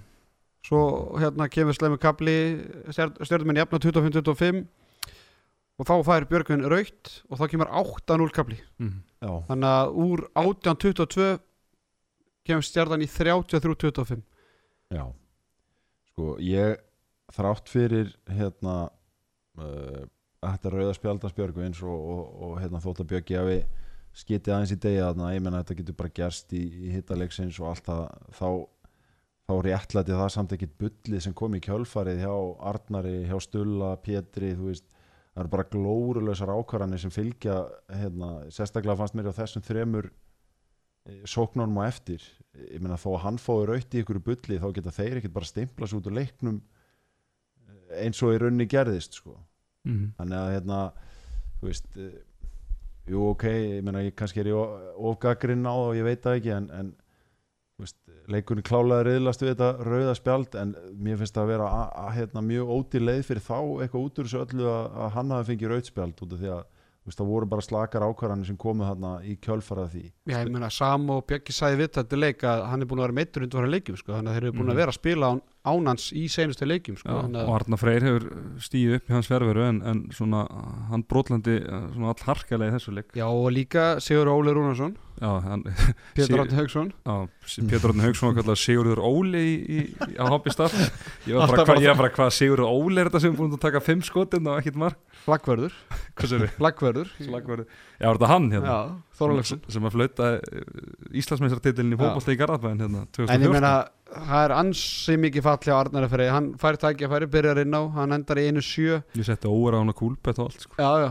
og hérna Pétur Átni Hann er 0-5 Kristján Ári 1-5 Já, þetta er bara Stulli 2-5 þú vinnur ekki leik svona og það er bara eiginlega maður veit náttúrulega e- alls ekki hvernig þetta hefði spilast ef Bjöggi hefði ekki verið aukt og svona en þetta er náttúrulega svona skýrt á blæði núna en, Já, en þú vinnur ekki leikin ákvarðan að taka hann samt sko þarna þegar þeir fara sko í 7 og 5 já og Arna Freyr skýtur þarna. Já ekki bara að þau minna stulli fyrir tvisar inn og fáranlegum færum í þessar stöðu og hérna þú veist, auðvitað náttúrulega skora stulli hérna oftast þegar hann fer inn en þú veist það er sama skilur ég menna hann gerði hann það ekki og ef þú ert hotnamaður og ætlar að taka metersfæri og skora ekki veist, þá bara er engar afsakanir skilur það er bara glórulegs ákvörun ef þú ætlar að taka svona dematsfæri þá bara annarkvæmt skoraru eða þú ert skúrkurinn skilur og hérna þú veist stulli getur ekki bent á Björgun í, í því hann, en það hérna, er hann alveg pott ekkert af því hann tekur bara ábyrð á því en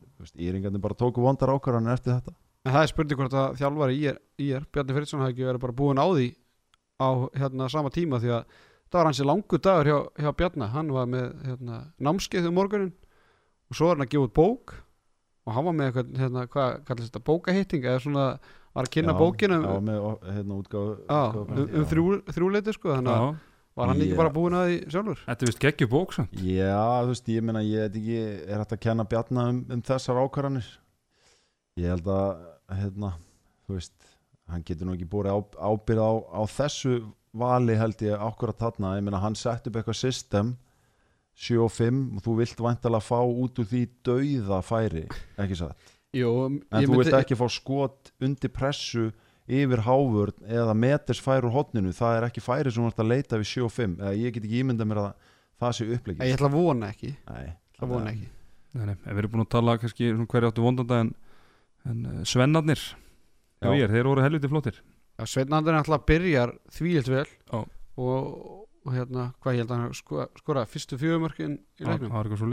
Já, en hérna svona svona, svona dala aðeins hjá hann í, Já, Björg, Bjöggi tók svona við þruminu svolítið þegar hann kom inn sko. Já. Bjöggi náttúrulega byrja á bæknum og svo þegar Björki var nútað með raut þá var bara ekkert eftir sko. Nei, nei, nú, en, Nei. en hérna Sveitn Andri, hann hefur hæglega getað fengið að, að mér finnst raut spjald þegar hann fer í þess að fyndu hérna á Aron Dag og Aron Dag líkur eftir.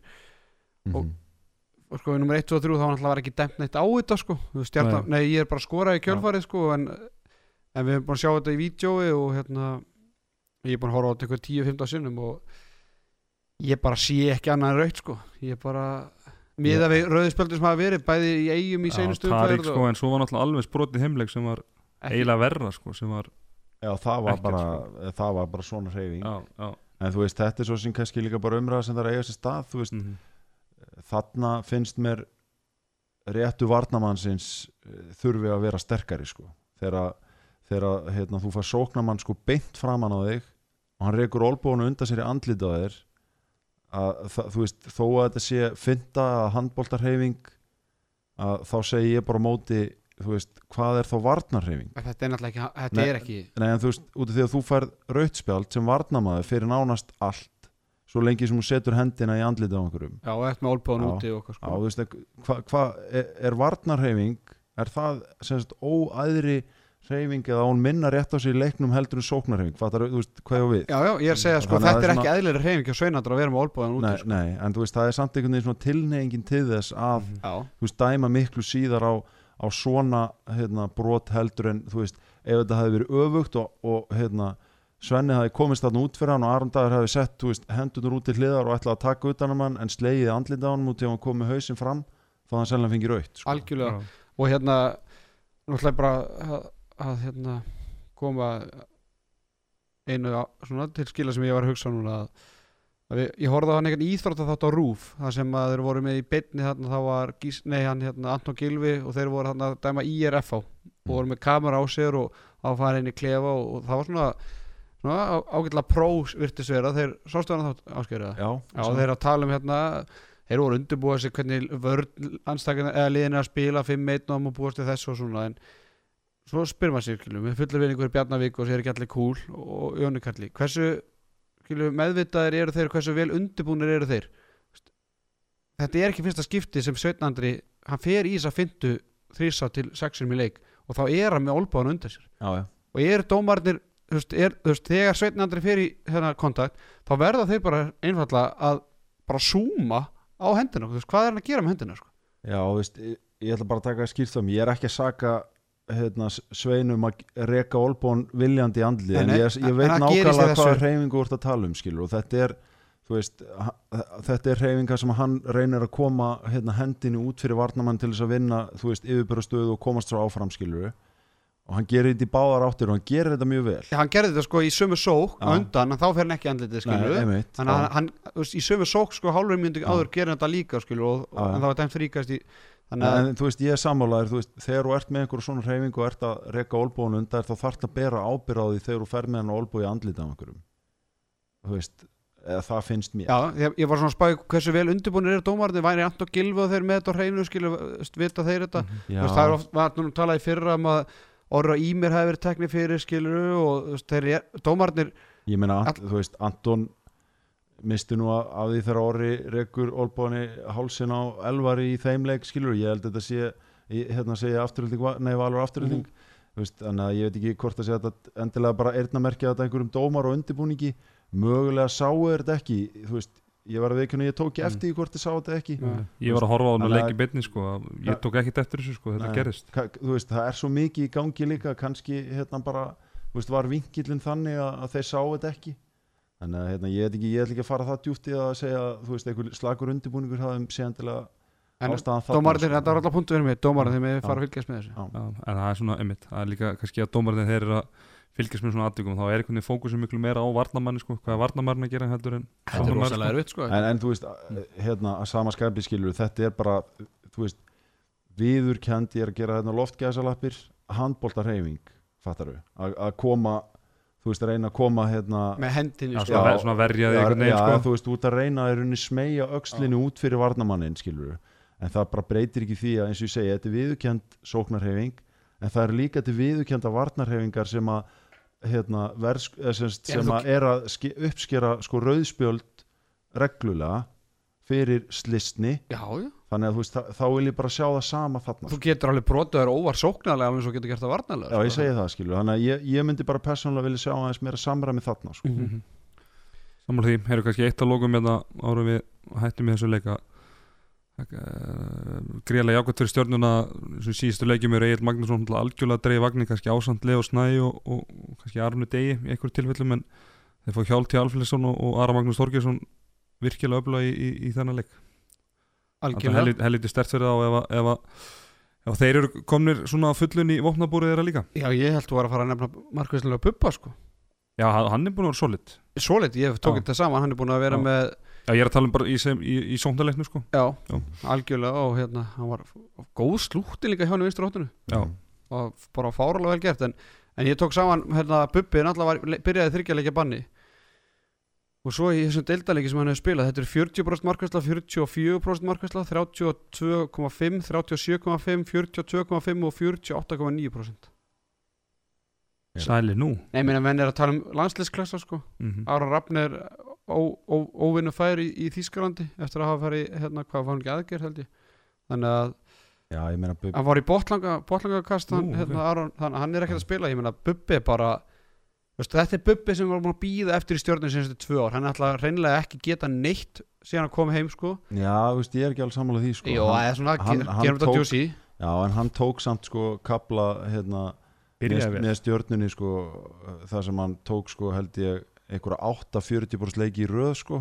Ok, þannig að hérna Er það ekki, þetta er þriða tímbilans núna ekki? Jú. Jú, fyrsta, hann var mjög góða fyrsta ári já, ok, lélur í Já, fyrra. hann var, hann datt niður fyrir að- sko. að- þú veist, bara eins, eins og liðið allt en, en þú veist, ég meina Bubbi er bara frábær markmaður hann er hérna hann er eh, Mér finnst það líka í góðu form. Já, veist, hann er líka bara svo mikill náttúru talent sem íþróttamæður að hérna, veist, hann er með eitt besta reflex af nokkur markmann í deildinni ég myndi segja svona, núna í síðustu leikjum fyrst mig Gretar í haugunum hafi verið að sína, þú veist, að hann er líka með ótrúlegt reflex og, og hérna og svona, það, mér finnst það að vera þroskamerki á Gretar, hann er að býða aðeins lengur og veist, og er að treysta viðbræða sitt betur. Þannig að hann hefur verið að bæta það stundum hefur hann kannski verið að rjú, rjúka svolítið og treysta snerpuna frekar heldur en þú veist að býða, lesa og, og hérna reakta. En Bubbi er frábær í því hann er ótrúlega lungin í að sína og taka líka. Þannig að hérna þú veist ég veit ekki hvort að Bubbi fái kallið en, en hann er bara frábær markmaður og hefur alltaf verið það. Ásker Jónsson, það er hérna verið að velja landslýsóp Ára Rafnir frá ennþá með milli eða vegna veikindaði meðsla og geti ekki farið með Íslandi á háum hvaða þrjá markmenn myndur þú taka í þennan 30 manna hóp? Ef að uh, sem sagt þeim Aron sé ekki með. Aron ekki með.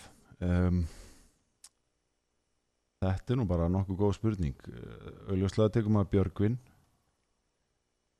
ég hef náttúrulega verið á bubbavagninum mjög lengi og, og svona ag- agitera fyrir því að hann er heima þarna uh, hérna uh, sé í þessum klassa, ég myndi taka hann. Og þriðji þá svona færið eða eftir sko ég meina Arnó Freyr þangur til að meittist síndi ótrúlega góða takta. Daniel líka. Þannig að ætlaði að vera ekki annað þeirra Ágúst Elíaböl, Viktor Gísli? Jú, ég meina Viktor líka þú veist, ég bara, eins og segi, þú veist Viktor er, er hérna framtíðastjarnar en svona með að við skilur framistöðuna hans í deildinni hansliðinu sko. þá hérna, þú veist þá myndi ég persónulega ekki velja hann á bara einhverju sem hann á að verða. Þannig að hérna, finnst hann þurfa að, bara vinna sér inn fyrir því með hérna, stabíli framistuði í deildinni.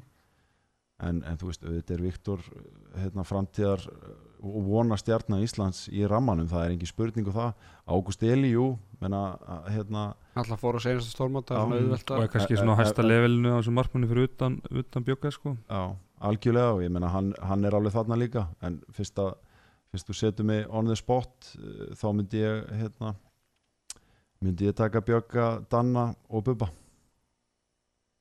Mm Já, þetta er svona, við vorum að tala um þetta held ég fyrir okkur þáttum því við, okkur fannst, já, okkur fannst engi markmaður að gera tilkalli í Aron Rafni að bjögga og svona alltaf las ég núna að Aron Rafni er bara ekkert að spila í Þýsklandi hann fekk þetta bóllangakast og hefur verið frábæra senstu fjóra vikunar að Já, ég meina eins og segja, hérna, Arnur Freyr þú veist, hefur líka verið að taka skilur 40 upp í 45% vöslur, þú veist, ef hann verið heill þá myndi ég ekki gera upp á milli hans eh, sem hérna, þriði markmaður í þessum hóps eða einhvers annars sko Mhm.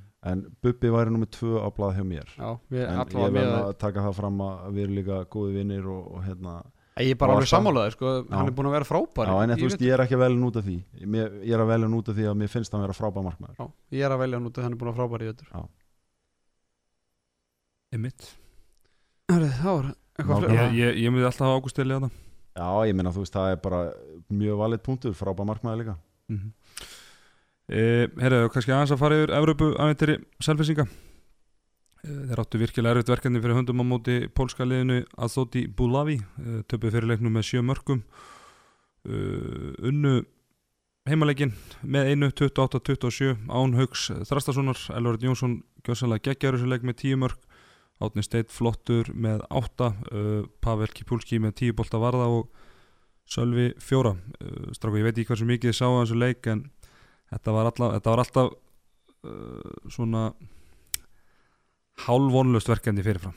Já, hvað staðan var jöfn í hálfleikið ekki? Jöfni hálfleik. Já, síðan kemur alltaf frábær kapli hérna á Selvórstík hvað Mhm. þeir komast í ykkur fjö, fjögumörk og svo stígur Sverri Pálsson á línun og hefði Já. gett að koma með fimm. Það er unni þetta byrjað þannig að, að hérna, uh, þeir komin í setni áleikin og gerði mig ferð östu fyrir fjall og, og, og, og fór í hlæðslölduna og það var bara geggjustemning byrja, byrja setni áleikunni greiðlegu krafti. Pavel Kipulski sem hafði aðeins dottið niður í lok fyrir áleiks hann stígur upp og fyrir að verja mikilvæg bolta og, og selvisingar ganga á lægið komast fjórumörkum yfir, geta komast fimmörkum yfir en þá stígur Sverri Pálsson á línuna. Og þessum kabla er uh, á eina Sverri svona einhverju tvær misjöfna línusendingar. Einhvern veginn allt momentum samt með selvisingunum og tvær misjöfna línusendingar. Átni steitt á eina uh, svo ákveður að kvíla átna varnarlega setja Mattias Halldórsson inn og hann spila tvær verðnir og, og missir í bæði skiptin vinstri skiptin á milli 1 og 2 í setna skipti fara hann uh, tvær myndur að auki. Og þá einhvern veginn þá einhvern veginn var þetta búið. Þetta var enda bara þannig svolítið að, að það hefði náttúrulega allt þurft að ganga upp og þeir hefði þurft að nýta þennan kabla tölvört mikið betur til að eiga eitthvað tjens Al- algjörlega og ég horfði einmitt á, á setna hálfleikin og, og það var svona stemming og þetta var það svona var rosalega stemningan Já, og þe- þetta hafa meðbyr með þeim og hefði þetta gengið upp en að komast í fimmörk þá veit maður aldrei en svona eins og segir þá svona, svo fór þetta svona eftir þetta. Og náttúrulega Án Haugs sem er ansið stór biti fyrir selvlýsing og þegar maður frétti það fyrir leik þá bara þá var þetta nánast vonlaust en bara frábært hvað gerðu vel úr þessu. Ég menna í 45-50 mínútu þá eru þeir bara í, í sen sko. Mm -hmm. á, á móti svona mönnum svona álíka lágvöxtum og þýrtæti og ásker Ásker, við, sko, ég ásker verður bara tittir í þessu lið sko. þetta var rosald að horfa á þetta. Og örgulega bara geggjur einsla fyrir þessar stráka sem að sérstaklega þessar stráka sem kannski er að stefna á atvinnum sko, því að uh, sko, stærstu görðarnir hjá Selfossi það er Einar Sverrisson og Sverri Pálsson líklegast. Það er bara svona menn sem er alveg að slagið tvometrana Mhm. þeir bara þú veist, þeir voru svona í hotnatitta starf með þessa gæði sko, þeir voru bara allir 2 og 10 og 120 kíló sko, þetta þetta var mjög skemmtilegt að sjá svona einn og einn innvið þegar, þegar skiptun voru, voru komið ára sér Já, á ég móti mönnu sem voru 20-30 cm minni. Þetta var bara, þetta er hérna, með sælflýsingar geta verið stoltir af, af, af þessu hérna Európa-æventýri eins og bara flestu íslensku liði sem hafa verið í þeirri vegferð undanfærin ár. Það er bara ótrúlega dýrmætt og, og hérna og frábært og fallegt að sjá íslenska handbóltalið aftur hérna í Európa-reisunni. Sama, þú veist, hvaða keppni, keppni það eru, það er bara að hérna lífga svo upp á þetta fyrir boltan hérna heima að hálfa verið hellingur auðvitað er þetta náttúrulega mikið ála fyrir þessi liði líka en þetta bara gefur þessum liðum og, og hérna, umgjörðinni í kringum og öllu, öllu, öllu fólkinu sem að þessu kemur svo mikið. Þannig að hérna, bara vonandi er þetta sem koma skal fyrir fleiri lið á næsta árum. Þetta er algjörlega frábær viðbútt Já, virkilega gaman að sjá bara hvað við erum virkilega nált þessu, selfisingarnir Já. bara í fínu sensi þessu einu og svo munu í fyrra. Það var náttúrulega F á marki frá því að, klára hvað heitir það ekki Presov, slóanska lið sem það er mætti fyrra. Og þetta Presov-lið það er í meistaradeildin núna. Já, nákvæmlega. Þetta er alveg lið. Já og bara þú veist IBVF, eh, minna þetta eru sko þetta eru sko hérna nárahár þú veist valur skilur sem er að eh, skilja þessi liða af frá því að í rauninni skrifa sig á spjöld söguna sko þó reyndar að Challenge Cup já, já þú veist ég meina þó þessi þar skilur þú veist svona í íslenskum handbólta það hefði verið ótrúlegt og, og ég meina í rauninni var þetta ótrúleg sigurganga hjá þessum liðum þó að það hefði verið í þessi keppni, þessari keppni sko. Ég meina að maður tekur svona fótboltaliðin, Valur og, og FH hafa nú verið að berjast við að komast í þessa Evrópukeppnir í, í hérna, eða riðlakeppninar og, og verið nálægt í já, og handboltin hefur verið svolítið langt frá því eftir að Haukar og Valur voru þarna í riðlakeppninni í hvað í kringu 2000, rúmlega 2005 kannski. Já, og það líka bara, þú veist, eh, það var náttúrulega ekki nánast engin þáttaka heldur bara árum saman út af bara, þú veist, eh, Fjármagni í handbólta er þetta bara þvílíku kostnaður í Já, fótbólta er þetta gullgesin, sko, þannig að hérna, það er svona munu þar á. en, en allavega þetta er allavega eins og segjum, tvö ár í röð því að Val og IBF svona, allavega í byrjandakeppninni áskorundakeppninni og svo núna Selfoss og FH líka bara skrefi frá þessu Já, þannig að veist, ef við röngum gæðalega síðan fótbolti, handbolti, körfubolti hérna með í Európustandar þá er handboltin sko bara góðum stað sko. já, já, algjörlega, þetta er bara, því ákvætt, þetta er líka gerast á sama tíma og það er virkilega innistæða fyrir þar sem að deildin er búin að styrkjast svo svakalega síðustu fimm ár með árin fimm þar og undan, eða fjögur, þannig að hérna, þetta er bara, það er innistæða og þörf fyrir þetta með styrkleikan. og það er líka sko að maður hefði haldið að Selfoss sem er skrifið frá þessu og FH í fyrra sem er bara útvöldamarki frá þessu og maður haldið ok, þetta er svona yfirbörða liðin sko ég meina þess, þess, það er bara fjagra fimm liða pakki sem er bara álíka góð á þessu styrkleika sko Já. maður hefði kannski haldið að liðin sem væri að berjast við að koma í Evrópu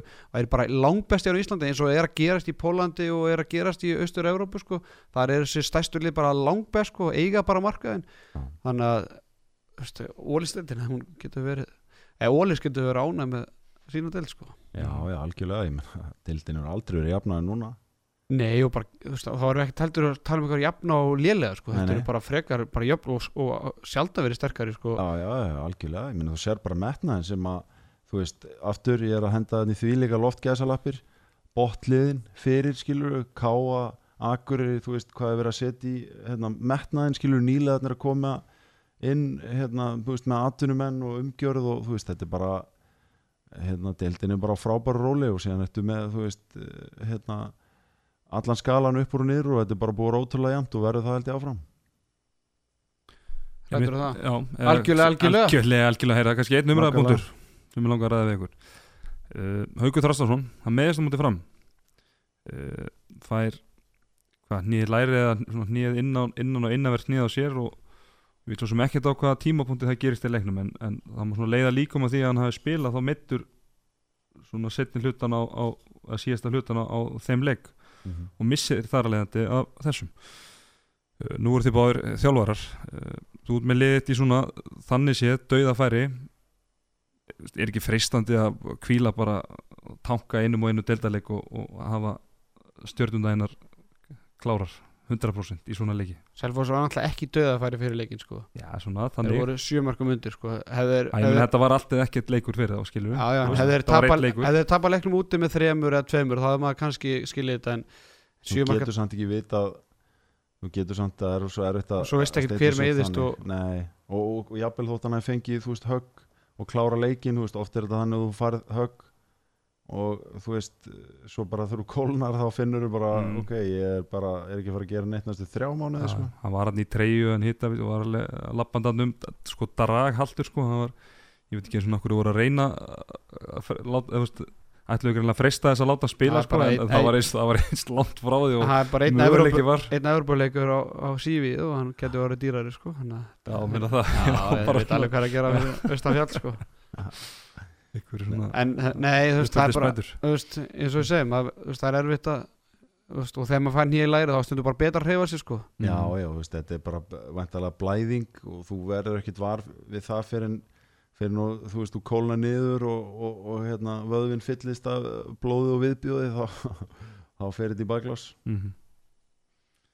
Þannig að það var bara rétt að láta hann spila 60 mítur á móti fram og ég, ég, ég, ég ætla ekki að dæmi um það en, en þú veist, það er auðvitað að vera vitur eftir á. Jú, jú. En það er ástæði fyrir að við erum hér. Það er til að vera vitirir eftir á sko. Sérfræðingar. Já, svokallaðir svokallaðir sérfræðingar. Það er selfisingar með að bara vera stoltir af, af sinni framgöngu þetta árið. Getum við ekki öll verið sammála um það? Það held ég nú. Uh, eru það bara eitt eftir? Hvað er það? það er við erum intro. Búm You're as cold as ice. You're willing to sacrifice our love.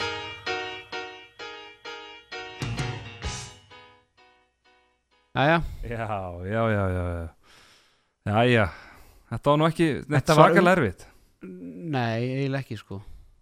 Þetta Maður- var umferð markvarða já, Það var einn maður sem elskar cash Okka maður maður, hann þarf heldur betur Ég held að, ég menna það er að koma mánaðamót Þannig að hann fær útborga frá stjórninni hérna, á föstudaginn. 800.000 800 skall, þannig að hann getur leikið sig við nokkra dúlu sem sko, hann fær í sko, sko net of tax. Já, já, já. Það, það var enginn sem held að öðru fram sko. En hérna, hann fær allavega eitthvað smá glæðinni frá, frá Coolbet sem hann getur verið að leika sér með fram á mánaðamótum áður en hann fær útborgað það er skemmtilegt og kannski að fá lægið hans bara í gang Sigur Ingeberg Ólafsson Sigur Ingeberg. Siggi sér til hamingjum með þetta Siggi minn I need a dollar, dollar, dollar. That's what I need. Hey, hey. Well, I need a dollar, dollar, dollar. Já, já, já, já, já, já, já Mr. já, já. Benswarmer já, já Mr. Bensform er svona byrja, hann er byrjað að kalla sjálfa sig en hann þakkaði trösti heldur betur í þetta skipti Vita, hann, fór, hann fór að tjá sig eitthvað Twitter í gæðir hann hérna, þú fórst að rifja fyrir þetta hérna, beef á milli hans að og tala um the celebrity beef yes. já, menn eru sammála því, hann átti eitthvað besta celebrity beef uh, sem Twitter hefur búið upp á síðust ár við Lárus Gunnarsson fyrir markmann stjórnunar og, og, og gróttu og, og menn eru sammála um að það hefði bara kveikt í, í sælinu Það bíf. Ég mista því. Já, þú verður að fletta upp uh, og eftir, þetta er- er hérna, að finnast í heimi sko. við, við eldingamenn fengum góðan bandir frá, frá hérna, smáranum. Eh, hérna, eftir leikin þar sem að hérna, afturöldingar já, já, tokki voru, hérna, voru að fagna sigri. Það verður að fagna hérna, það verður að fagna þessu litlu hlutum. Tóki átti náttúrulega mikla innistæði Já, fyrir því en að þessi svo- frábæra framistuðu En sástu ekki hvað ég svaraði á hann? Jú, jú, það var enda mjög gott Það er mikilvægt að fagna þessu litlu sigurum sérstaklega eru, eru þeir einu. Jú, jú. Það er líka langt í næsta leik og svona Hann getur Hann, hérna, getur, hann getur lifað hans á þessu Næstu mánuðin allavega. En þið tróðið í hann þegar að Já, þetta var bara, Tækifæri gestir, góð- bandir bara. Já, já, hmm. Ekkert að því. Þeir stróka minni, þetta er bara búið að vera helviti gott. Unnaður Geri, bara takk hjá fyrir komuna. Takk fyrir mig Sérfræðingur, við verðum með þátt á 15 Það er ekki alveg komið ljós í hvaða formi hann verður En, en við kynum það bara betur. Það verður við okkur hormi Hann verður í fljótandi formi Það er sjóleðis við höfum, þetta ekki lengra sinni. Hann kasti þakka verið sig í kvöld. Verið sæl